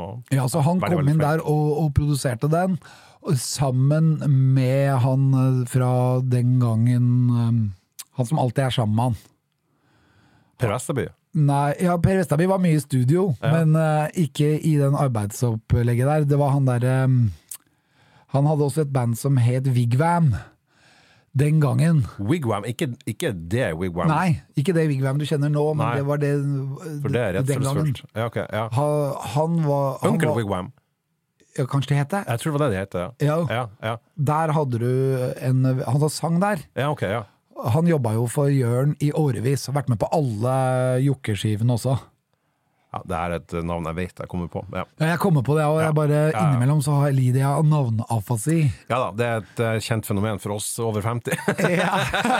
Som har hodet fullt av eh, Tanker. rustne, rustne rattkjelker. Ja. Eh, du har jo også etter hvert eh, eh, lagd eh, musikk med mange forskjellige konstellasjoner, men et band jeg husker veldig godt, som jeg som jeg likte jævlig godt, eh, og som jeg syntes var skikkelig kult. Jeg fikk aldri se dere live, men det var eh, Jeg åpna platebutikk i 1994, så det her må ha vært altså i 95.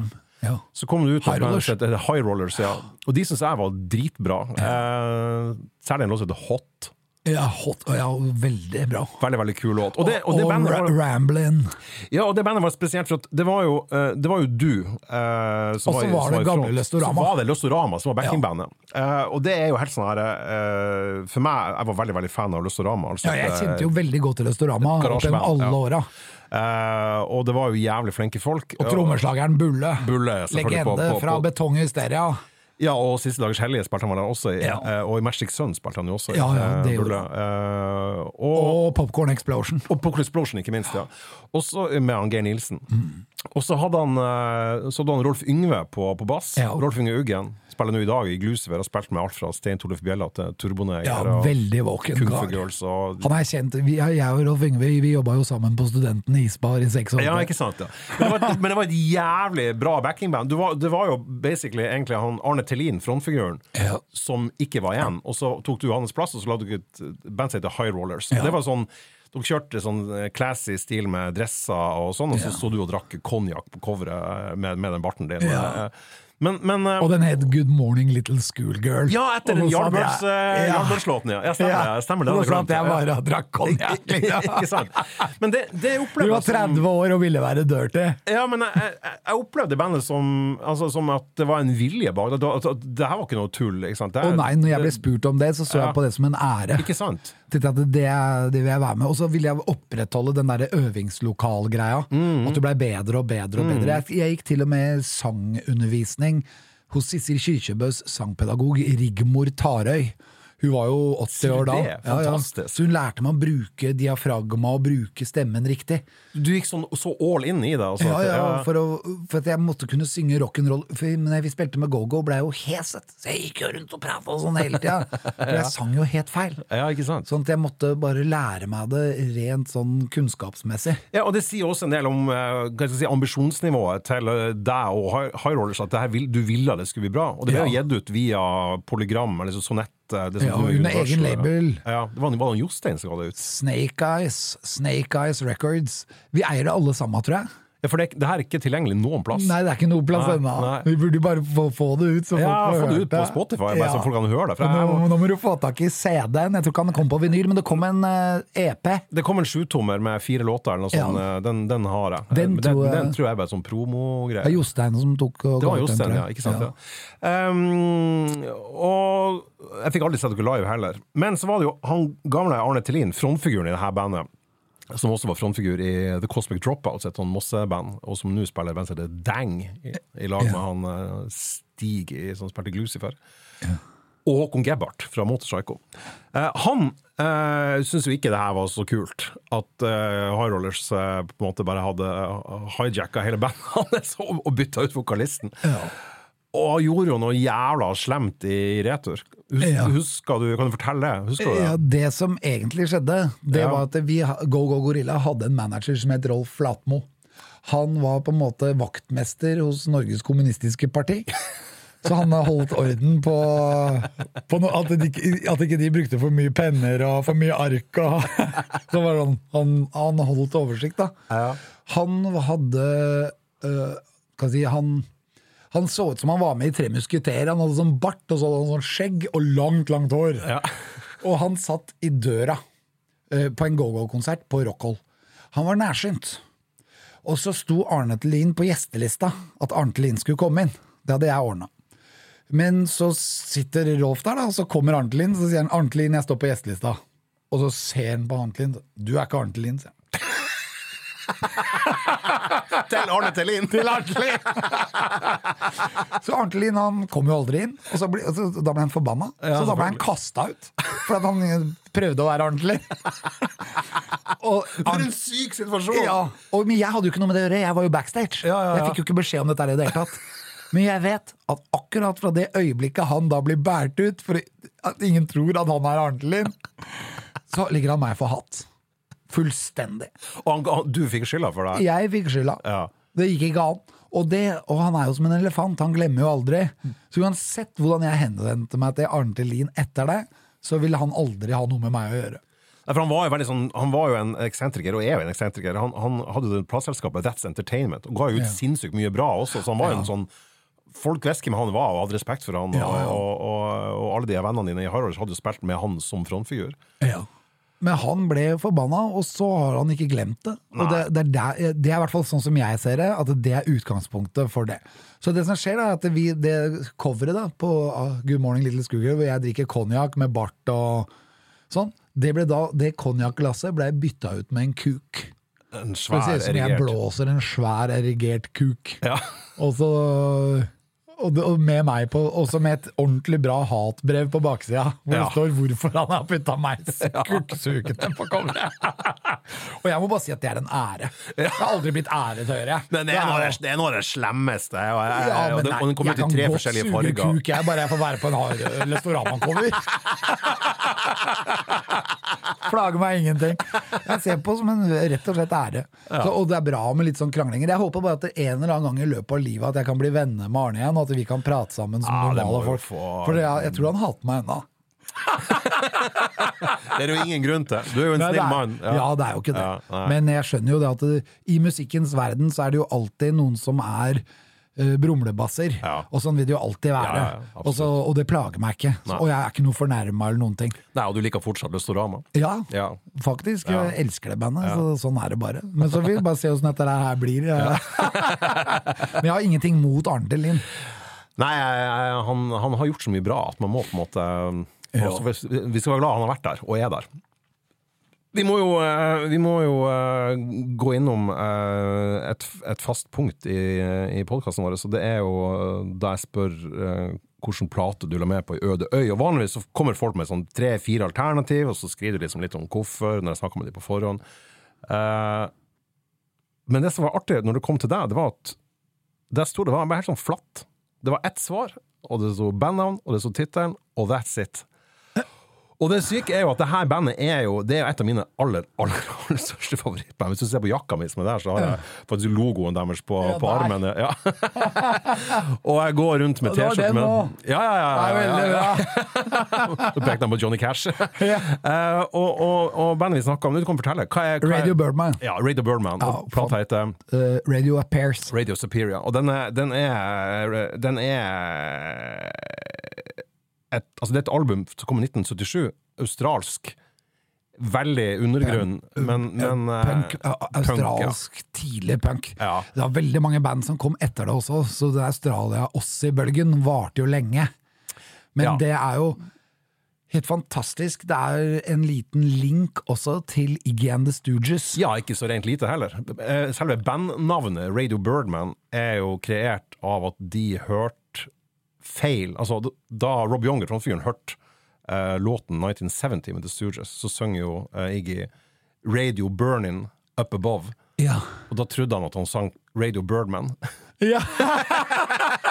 så kort i, så kort i bandet sitt før det. men det er akkurat sånn som meg. Men jeg hører liksom det jeg vil. Ja, og, og, og, og, den, den skiva, Radio Spears, er altså den, den, den starta jo eh, faktisk med eh, en Stooges-cover. Ja. Uh, TVI, TVI. Fra, fra, fra andre skiva. Og helt, helt rått gjort. Helt Og så er fantastisk. det, det er noe med at det, det, er, det er så utrolig Altså det er så utrolig samspilthet i det bandet. Helt sykt. Levert fantastisk. Helt sykt. Akkurat sånn som jeg vil rock'n'roll skal være når det skal være skikkelig bra rock'n'roll. Ja, og det låt altså, for at i, det, er var tyngre og råere enn metal. Samtidig så er det like heftig som punk. Ja, og så var det altså, veldig mange punkband som Murder kom City Nights. Ja, Murder City Nights. Det er så bra. Ja, det er altså Men jeg liker også veldig godt uh, den oppfølgerplata. Living Ice, ja. Helt Ja, fantastisk. Den, er, den, den ble jo spilt inn året etterpå. I-94, er det ikke en låt som heter det der? I-94 er en av mine kanskje Eskimo favoritt- Pilot. Ja. Det er så bra! ja, den uh, You Can Go To Europe with Jean-Paul. Ja. Anything You Wanna Do. Ja, den, er, den, er så, eh, den er helt fantastisk. Og den, den, ble jo, den ble jo spilt inn året etterpå, men kom ikke før i 1981. Nei, riktig. Uh, men den er òg helt latterlig bra. Ja. Eh, men det bandet her er Det er så rart, for at de som Jeg har jo den der som jeg, jeg har et sånt jakkemerke med logoen deres. Den ser litt sånn, nesten litt sånn naziaktig ut. Ja, det gjør det. Um, og den bruk, Jeg har den på nesten alle jakkene mine. Uh, og jeg har vært der, jeg står liksom i Liverpool, så kommer det plutselig bare gående folk forbi og sier Oh, Radio Birdman! Og det er noen fra Australia. Ja, ja, ja. så de som vet, de vet. Det, det er liksom sånn band, da. Eh, og, og jeg har til dags dato ikke opplevd en dame som er fan av de. Det er liksom, det, jeg føler det er veldig sånn gutte... band, ja. mer enn noen. Ja. Uh, Men det er så party. Når jeg spiller det uansett hvor det er, så det er det liksom, da står taket i, i Ja, det er altså så jævla bra. Eh, Og nesten liksom merkelig at det ikke er Det minner meg veldig om rock'n'roll. Det var Ja. en av klassikerne på rock'n'roll. Ja, det vil jeg tro. Ja. Og da husker jeg at den der eh, Living Ice Den ble jo oppdaget litt etterpå, så Ja, var ja. vanskelig å få tak i. Når den kom også, da var det ny skive med dem. Som Ja. gikk på rock'n'roll. Jeg har faktisk Jeg, jeg, jeg lurer på om det var han, eh, han Lance, som, du, som jeg da kaller for Erik. eller mm. Erik. eh, Jeg lurer på om det var han som skaffa det. Jeg, jeg har faktisk Jeg har mange mange versjoner av Radio Sapir, for den kom jo med to forskjellige cover. Ja, et hvitt cover òg. Ja, det hvite coveret er den, den nye utgaven som kom i 78. Ja. Og den ble pressa også i Norge. Så er det skandinavisk pressing av Radio Burma, og det kan ikke være trøft i veldig mange X. Altså, for de, var, de, de er ikke svære nå, de var ikke svære da. Nei. Um, det men, er- men, det det er- lå nok et ønske For de var jo signet på Sire, som ga ut Ramones og en del andre ting. Så det var nok et ønske om at de skulle bli At de skulle være det nye store der. Men de ble jo aldri like store som Saints og de her samtidig, da. Nei. nei. Dessverre. Og, ja, og, men det jeg tenker på veldig mye, det er Scientists. Ah, med Kim Solman, ja. Ja, Også australske ja, Og litt i samme tida. De var litt senere, men det var også litt i punka-avdelingen. De var jo Altså- veldig su Suicide-inspirert. da. Ja, ja, og, og de blei jo Beasts of Bourbon. Ja, som eh, Også var fantastisk. Men eh, Radio Birdman, på en måte, det var jo det derre samspillet, eh, låtene, eh, det som minna meg om Iggy. Ja, veldig. Eh, og så hadde de, så, så hadde så, I motsetning til veldig mange punkband, så, så var jo Radio Birdman et sånn fiks ferdig produkt. De var så jævlig gode å spille. Ja. Altså Dennis Tech, han uh, gitaristen eh, som skrev alle låtene, uh, han kom jo fra Ann Arbor uh, i Michigan, Ja. som også The Stooges kom ifra, eh, og hadde jo flytta til Australia. Ja. Og han var jo så god på gitar at det var helt Ja, Han ga ut noen sologreier òg. Ja, ja, ja, ja. Og, og hadde jo også flere band på, på, si. Men det, det han og de gjorde, og ikke minst han der Ron Keeley, han trommisen Ja. Høres ut som ei sampla bestefarsklokke. det er så presist at det er latter. Ja, ja. Eh, jeg hørte på den skiva på, på flyet på vei ned hit, eh, og det er plate jeg hele tida kommer tilbake til. Både Race Hero da, og, eh, og, og Living Ice. Jeg, jeg, jeg jobber jo Radio Rock, Ja. og innimellom så må jeg velge Radio Birdman, for det er ingen andre som spiller Nei, ikke sant, så du spiller det der, ja, ja, så jeg får av og til lov til å ha en egen låt. Ja, så bra. Og flere ganger har vi hatt på en Radio Ja, men så bra. Du, du gjør jobben din ennå. Det er veldig, Ja. veldig bra, det. Eh, Men alt er jo formatert, det er jo det som ødelegger radio. Ja, helt klart. Vi har ikke noe musikk her. Jeg lager spilleliste med alt vi nevner i stedet etterpå. Ja, gjør- ja, høre- det er gult. Ja. Du, eh, Men jeg, men jeg hadde jo også puttet en liten sånn der liste med Ja jeg- litt lenger ned i mailen. jeg, jeg, har, jeg har noen navn til. Vi skal, vi skal sveipe inn med et par av de. Men bare før vi forlater Radio Birdman. Um, uh, har du sett dem live? For det er jo først og fremst et helt sykt bra liveband. Ja, den har jeg aldri sett i live. Oh, det unner deg. Men spiller de hjemme? Ja, ja. ja. Det, det, hvis du går på Wikipedia, så står det Raider Birdman are a rock and roll band. Å ja. Ja, så de Yes, så kult. Sist Ja, det har vært veldig kult å sett, da. Ja, jeg har sett det tre ganger. Men er det fortsatt han vokalisten? Ja, det er Rob Youngers på Rob Younger er frontfigur, og han har jo også bandet The New Christ. New Christ, ja. som også Jeg har også eh, alle de skivene. De har spilt inn et nytt album nå, vet jeg, som ikke har kommet ut. Oh, ja, ja. Som jeg gleder meg jævlig til. Ja, jeg kult. hadde dem i Tromsø, jeg booka dem på Blårock for en del år siden. Og da, det vanligvis når du er arrangør, så er det veldig sånn Du blir ikke starstruck, for du, liksom, du har jo en rolle som er naturlig, så du, du tenker ikke på det. Men akkurat det å få uh, Rob Younger inn i stua, det syns jeg var jævla rart, altså. Det, Ja. da, da kjente jeg på profesjonaliteten fikk seg et skudd for baugen. Ja. hadde bare lyst til å liksom be han å signere alt jeg hadde. Ja, ja. Og skrive på veggene hjemme hos meg. Ja. Du, kan, du kan få tisse på platespilleren min, det er helt ok, det er Rob Younger. Ja. Da merker jeg hvor liten jeg ble, for jeg var så, og er så sinnssykt Åssen var han, da? Veldig, veldig hyggelig. Veldig, veldig høflig. Eh, veldig, veldig kul. Eh, og det skumle Han har jo litt sånn her Han ser ut som et spøkelse på scenen, og, sånn, og litt sånne rare moves og sånn, men han var bare en utrolig hyggelig mann. Jeg hadde sånn e-postkontakt med han i ettertid, og svara fort. og og jeg bor i, i Sydney og er arbeidsledig, og um, kona er sykepleier og sliter med å få endene til å møtes, men, men, men jobber, jobber litt som produsent nå. og Ja. har produsert ei, ei skive som jeg mener er årets beste, med et australsk band som heter Civic. Da, som, Jeg, jeg tror jeg har sett Ja, New Christs. Ja, de har spilt i Oslo flere ganger. Men, Ja. eh, men han, han, er, han er en levende legende, og, og det bandet her, altså Rady Birdman eh, Hvis man får anledning til å se de live, fortsatt Det er fortsatt dritbra live. Ja. Dritbra. Ja. Og alle er med, liksom? Nei, de har bytta ut trommisen, selvfølgelig, at, og bassisten, men, men det, det har også bare gjort dem godt. Han har med bassisten fra New Christ. Da. Oh, ja, ja. Og hvis du ser på den jakka mi, ser du da Ray the Birdman eh, sin logo, og så er det Johnny Cash over. Ja. For Første gang jeg så dem eh, live, det var på en sånn reunion-turné, og da spilte de i Oslo den 12. september 2003, dagen etter Johnny Cash døde. Å, ja, ja. Og så dediserte de konserten til Johnny Cash. Derfor har jeg alltid Johnny Cash og Birdman i lag. Ah, så kult! veldig barnslig. Veldig, veldig jeg elsker Johnny Cash. Og han var jo på den labelen du har på skjorta di der. Ja. Så jeg har jo de The første Sun. singlene. Sun Studios. Ja, Ja. jeg samler jo på singler, Har du de Sun-singlene til Ja. Johnny Cash? De- originale? Ja, original. Å, oh, shit! Hva du måtte gi for dem? Ja, det ligger på 500-600. De er ikke så veldig dyre. Det er ikke verre enn det, nei. Nei, det ligger rundt der. Jeg har bare sånn Det er, repressing av det. men det er veldig kult å spille de, for det er noe med lyden på de der Ah, førsteutgavene. herregud, Den er skrudd opp på rødt, vet og litt Ja. til. Fantastisk. Og så hadde jeg med Elvis også, Selvfølgelig har du med og, Elvis. men med riktig innspilling. Ja, og hvilken er Elvis-plate har du gått for? Memphis Record. Er, Det- er, er det den from, Ja, den From Elvis Elvis in. Memphis, er det den? Ja, det- men den kom ut når Elvis levde. i 69? Ja. Ja. Men alt av, og det er spilt inn i 69. Ja. Men uh, samleplata som kom ut en gang på 80-tallet, den tok med seg begge de to. Det var uh, Back in Memphis, og så var det en til. Som har rødt cover. Ja, er den From Elvis in Memphis. Den, Ja, El- den og så er den andre er- til Back in Memphis. Ja, for den, den jeg sier der, den er vel med Indigetto på. Ja. Ja, Mens mm. den andre har eksempel Kentucky Rain eller Ja. øh, noen andre låter. Men det er Ja. fra den innspillinga, som da var kanskje si 5-10-20 Si 25 låter, da. Det er Elvis sin absolutte innspilling ever noensinne. Ja, det, altså peak Elvis. Ja, Ja, mm. 69. Ja. Han er ferdig med 68, og han har noe å bevise. Han kommer tilbake, Ja, og så gjør han det er etter 68 comeback. ja? Suspicious. Minds er der. Ja, mm. Det er Gentle On My Mind. Uh, Only The Strong Survive. ja. Love Travels On Gravel Road. Det er bare, det er bare Grei, grei låttrekk. ja, det er bare, Den låttrekka er så rå. Og den er spilt inn bare med gitar, bass og trommer. Så det fins også en piratutgave av dette her, før pålegg.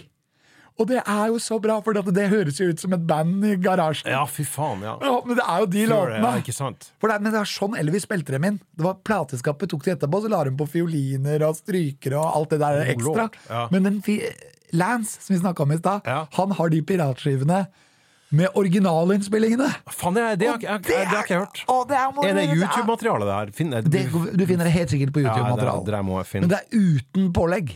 Og det er så kult å høre. Han synger In The Ghetto, for eksempel, uten pålegg. Før kordamene er inne og ordner opp. Fantastisk. Ja, det er, det er som unplugged. Jeg leste at den In The Ghetto, uh, bare for å liksom eh, sette ting i litt sånn relieff hvor jævlig diger uh, Elvis var In The Ghetto ble gitt ut på sjutommer i et forhåndsopplag. Den ble trykt i én million eksemplarer. Det er bra! Det skulle Terje Engen visst. det var så jævla bra! En, Ja. en mill. liksom. Ja, det er helt ja, den, den, den, den solgte jo ut, den. Ja, ja, men det er mange, av, mange som ikke er Elvis-kjennere, kaller det jo Elvis' beste låt.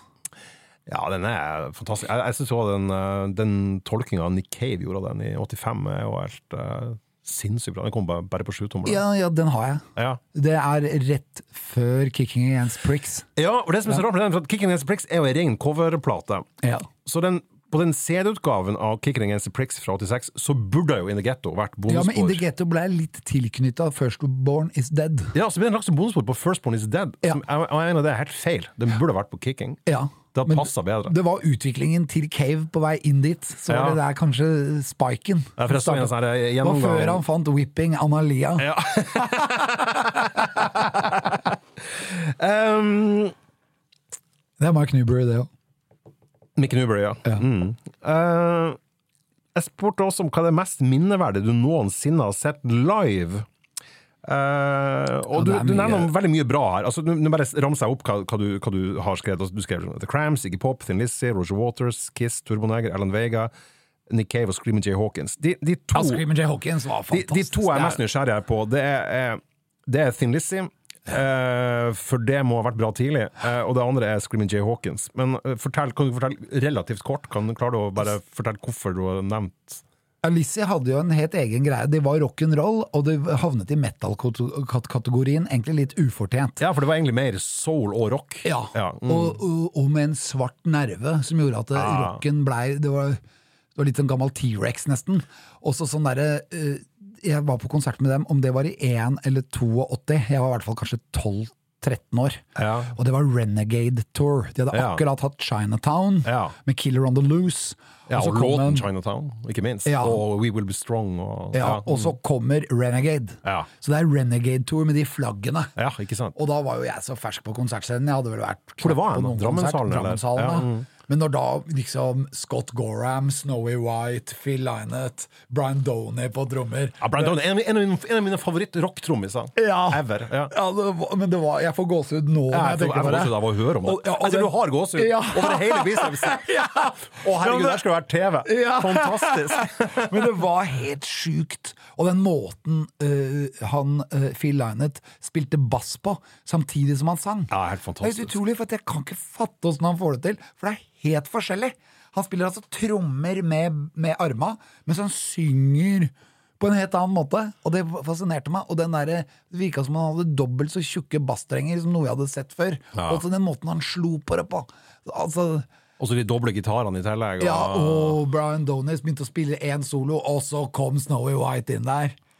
Og, nei, Brian Donis sier Scott Gorham. Jeg skjønte, ja. Ja, Scott Gorham, og hans var den tøffeste jeg har sett noen gang. Han hadde ikke én krøll på huet. Allikevel så hadde han hår helt ned til rumpa. Ja, og, og Gibson eller Paul og ja, ja, ja. Han var jo liksom Han var det alle narverne ville se ut når de gikk på plata, det hadde Scott Gorham. Pluss god på gitar. ja, pluss god på gitar.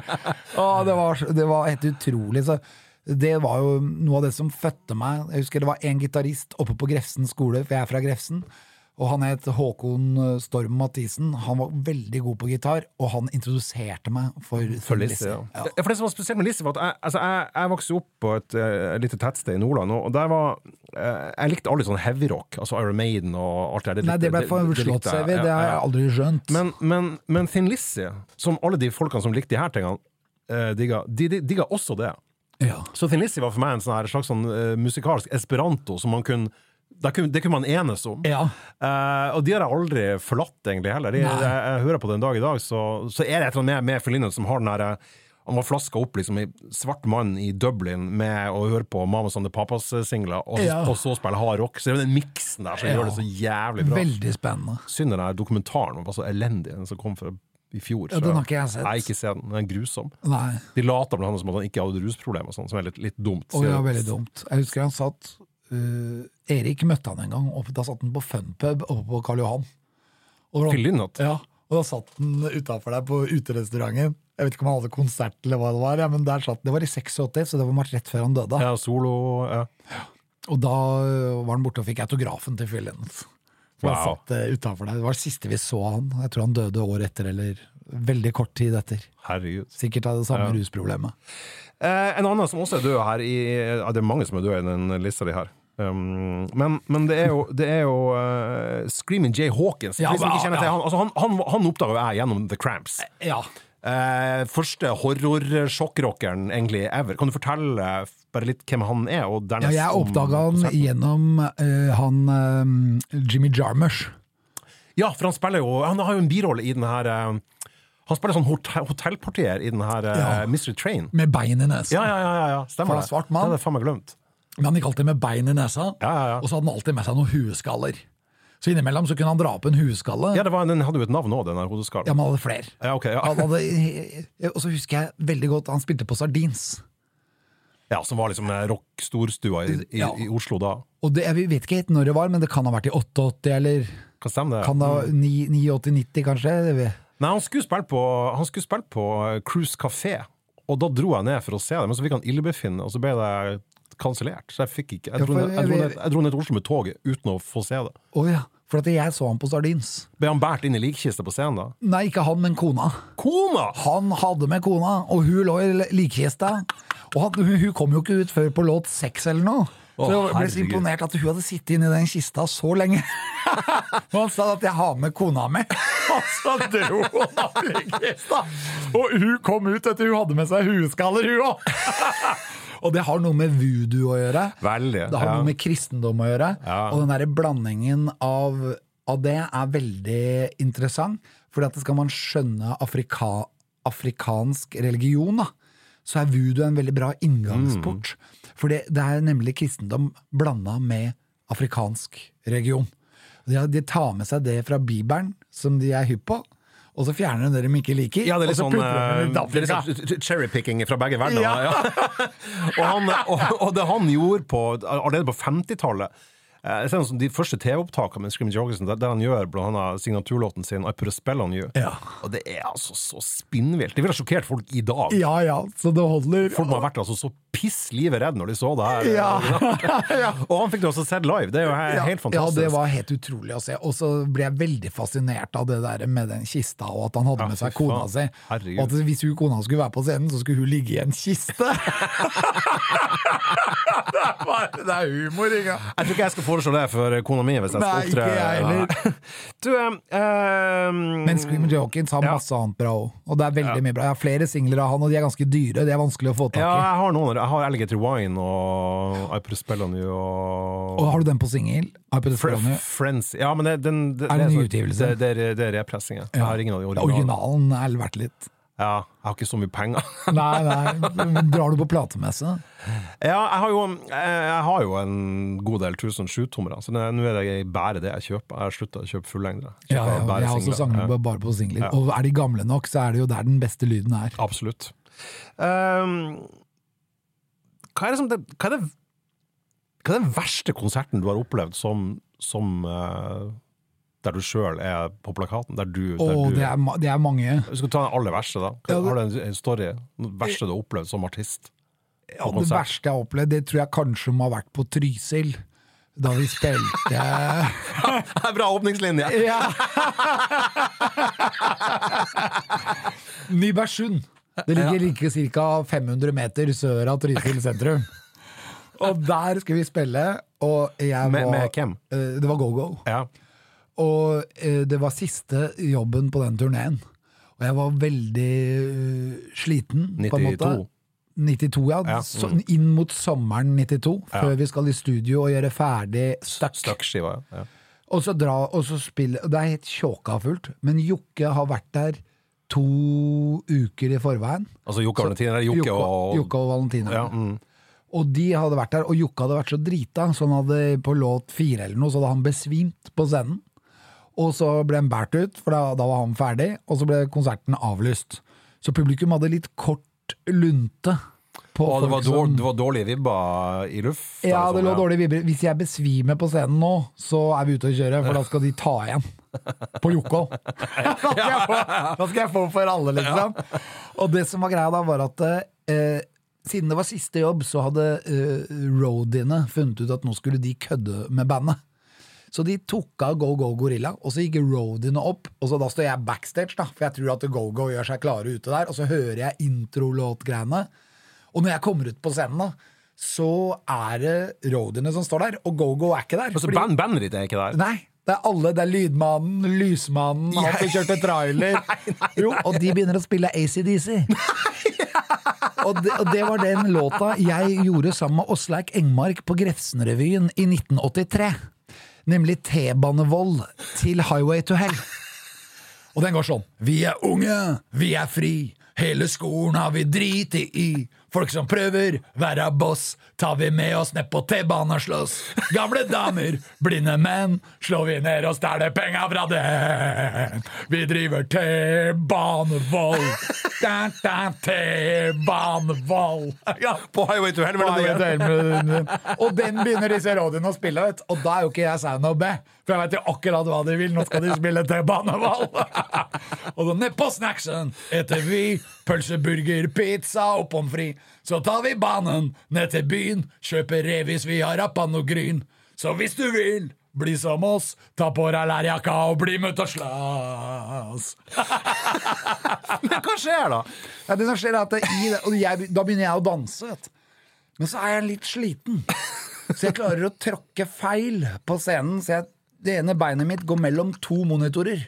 Og akkurat der i låta så skal jeg ta en piruett. Så jeg går rundt, men beinet står igjen.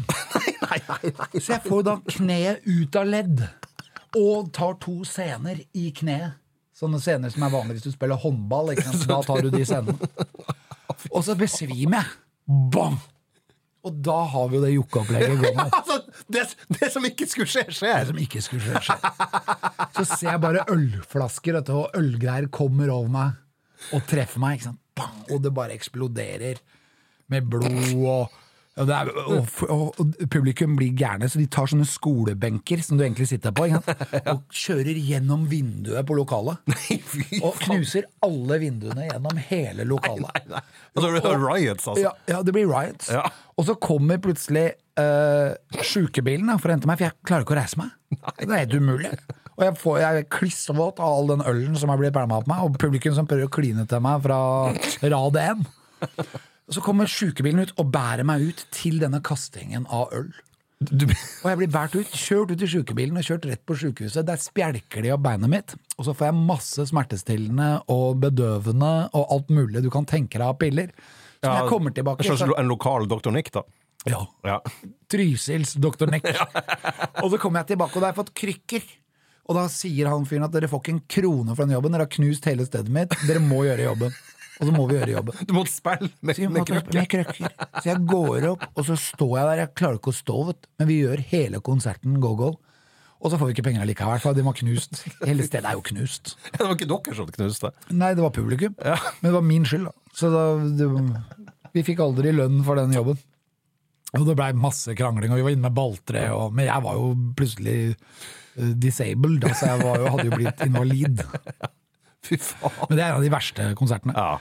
Men det er så mange sånne stories fra den greia der. Jeg husker en annen gang også, for jeg drakk jo rødvin hver, hver gang og skulle ha det der Lux-stylen, ikke sant. Og, ja, skulle se Cramps og jeg blei jo drita, Ja. men det er alltid kult å spille rock når du er drita. Du kan ikke drive standup når du er drita, for da mister du fokus på For å være funny er vanskeligere. Ja, ja, ja, ja. Men det, men eh, jeg, Og da var jeg så dårlig i magen, og så var jeg det at jeg endte jo alltid opp i tangaen. Jeg hadde jo tangatruse i lær, Ja. med spikes festa foran, sånn der hvor penis er. Der hadde jeg et sånn 12 centimeter lange sølvspikes. Som hadde begynt å bli rustne. Den blei jo aldri tørr, den buksa der. Men da, Og så ravet jeg rundt med det, og med den dårlige magen. Og så var det en eller annen låt som het Sweet Stink, hvor jeg har sånn Sånn ja, den er fra første EP-en, ikke det? Ja, og mens jeg har den står jeg oppå høyttaleren foran trommeslageren, og da får jeg diaré. Altså i tangatrusa. På den- scenen? Ja, på scenen. Live. Men jeg merker jo ikke det, for jeg er jo, eh, jeg er jo relativt børstform, da. Men trommeslageren bak merker det. Fordi han får jo da en sånn spray av diaré over seg. ikke sant? Så snur jeg meg og ser jeg at han er sånn halvbrun. Og, og det- hans er halvbrune, og, men han er på vei til å bli forbanna. For han har akkurat blitt, så rart! han har blitt driti på av meg, så han skulle ta meg.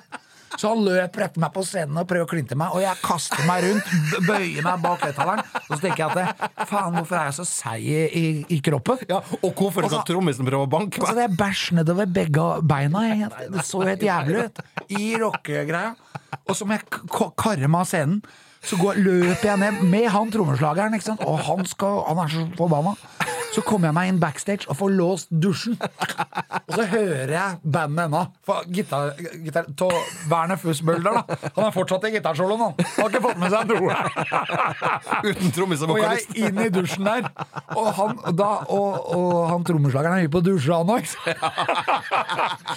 Så det ender med slagsmål bak der, før jeg da går ut igjen. Men den opplevelsen her, jeg vet ikke hva publikum fikk med seg, men det der å bæsje på seg live, det er helt høyst spesielt.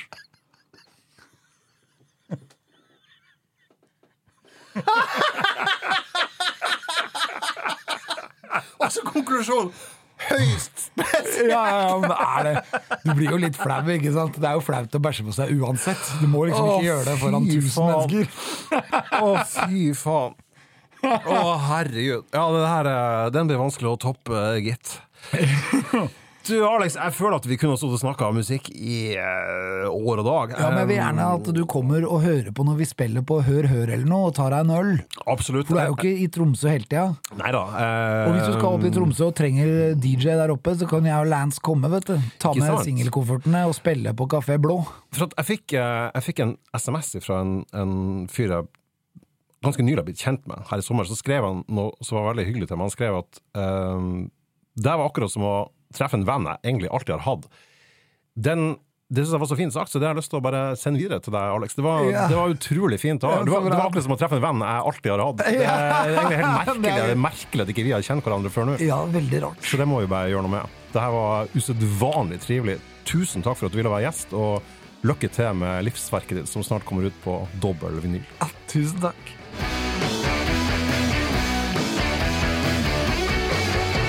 Feedback er en podkastserie fra avisa i Tromsø.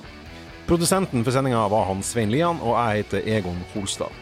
Husk også at vi lager spilleliste der all musikken som nevnes i sendingene legges til. Og de finner du på hjemmesiden til Tromsø i feedback-seksjonen, der du også finner anmeldelser av plater, anmeldelser av konserter, samt intervjuer, liste og masse annet aktuelt musikkstoff.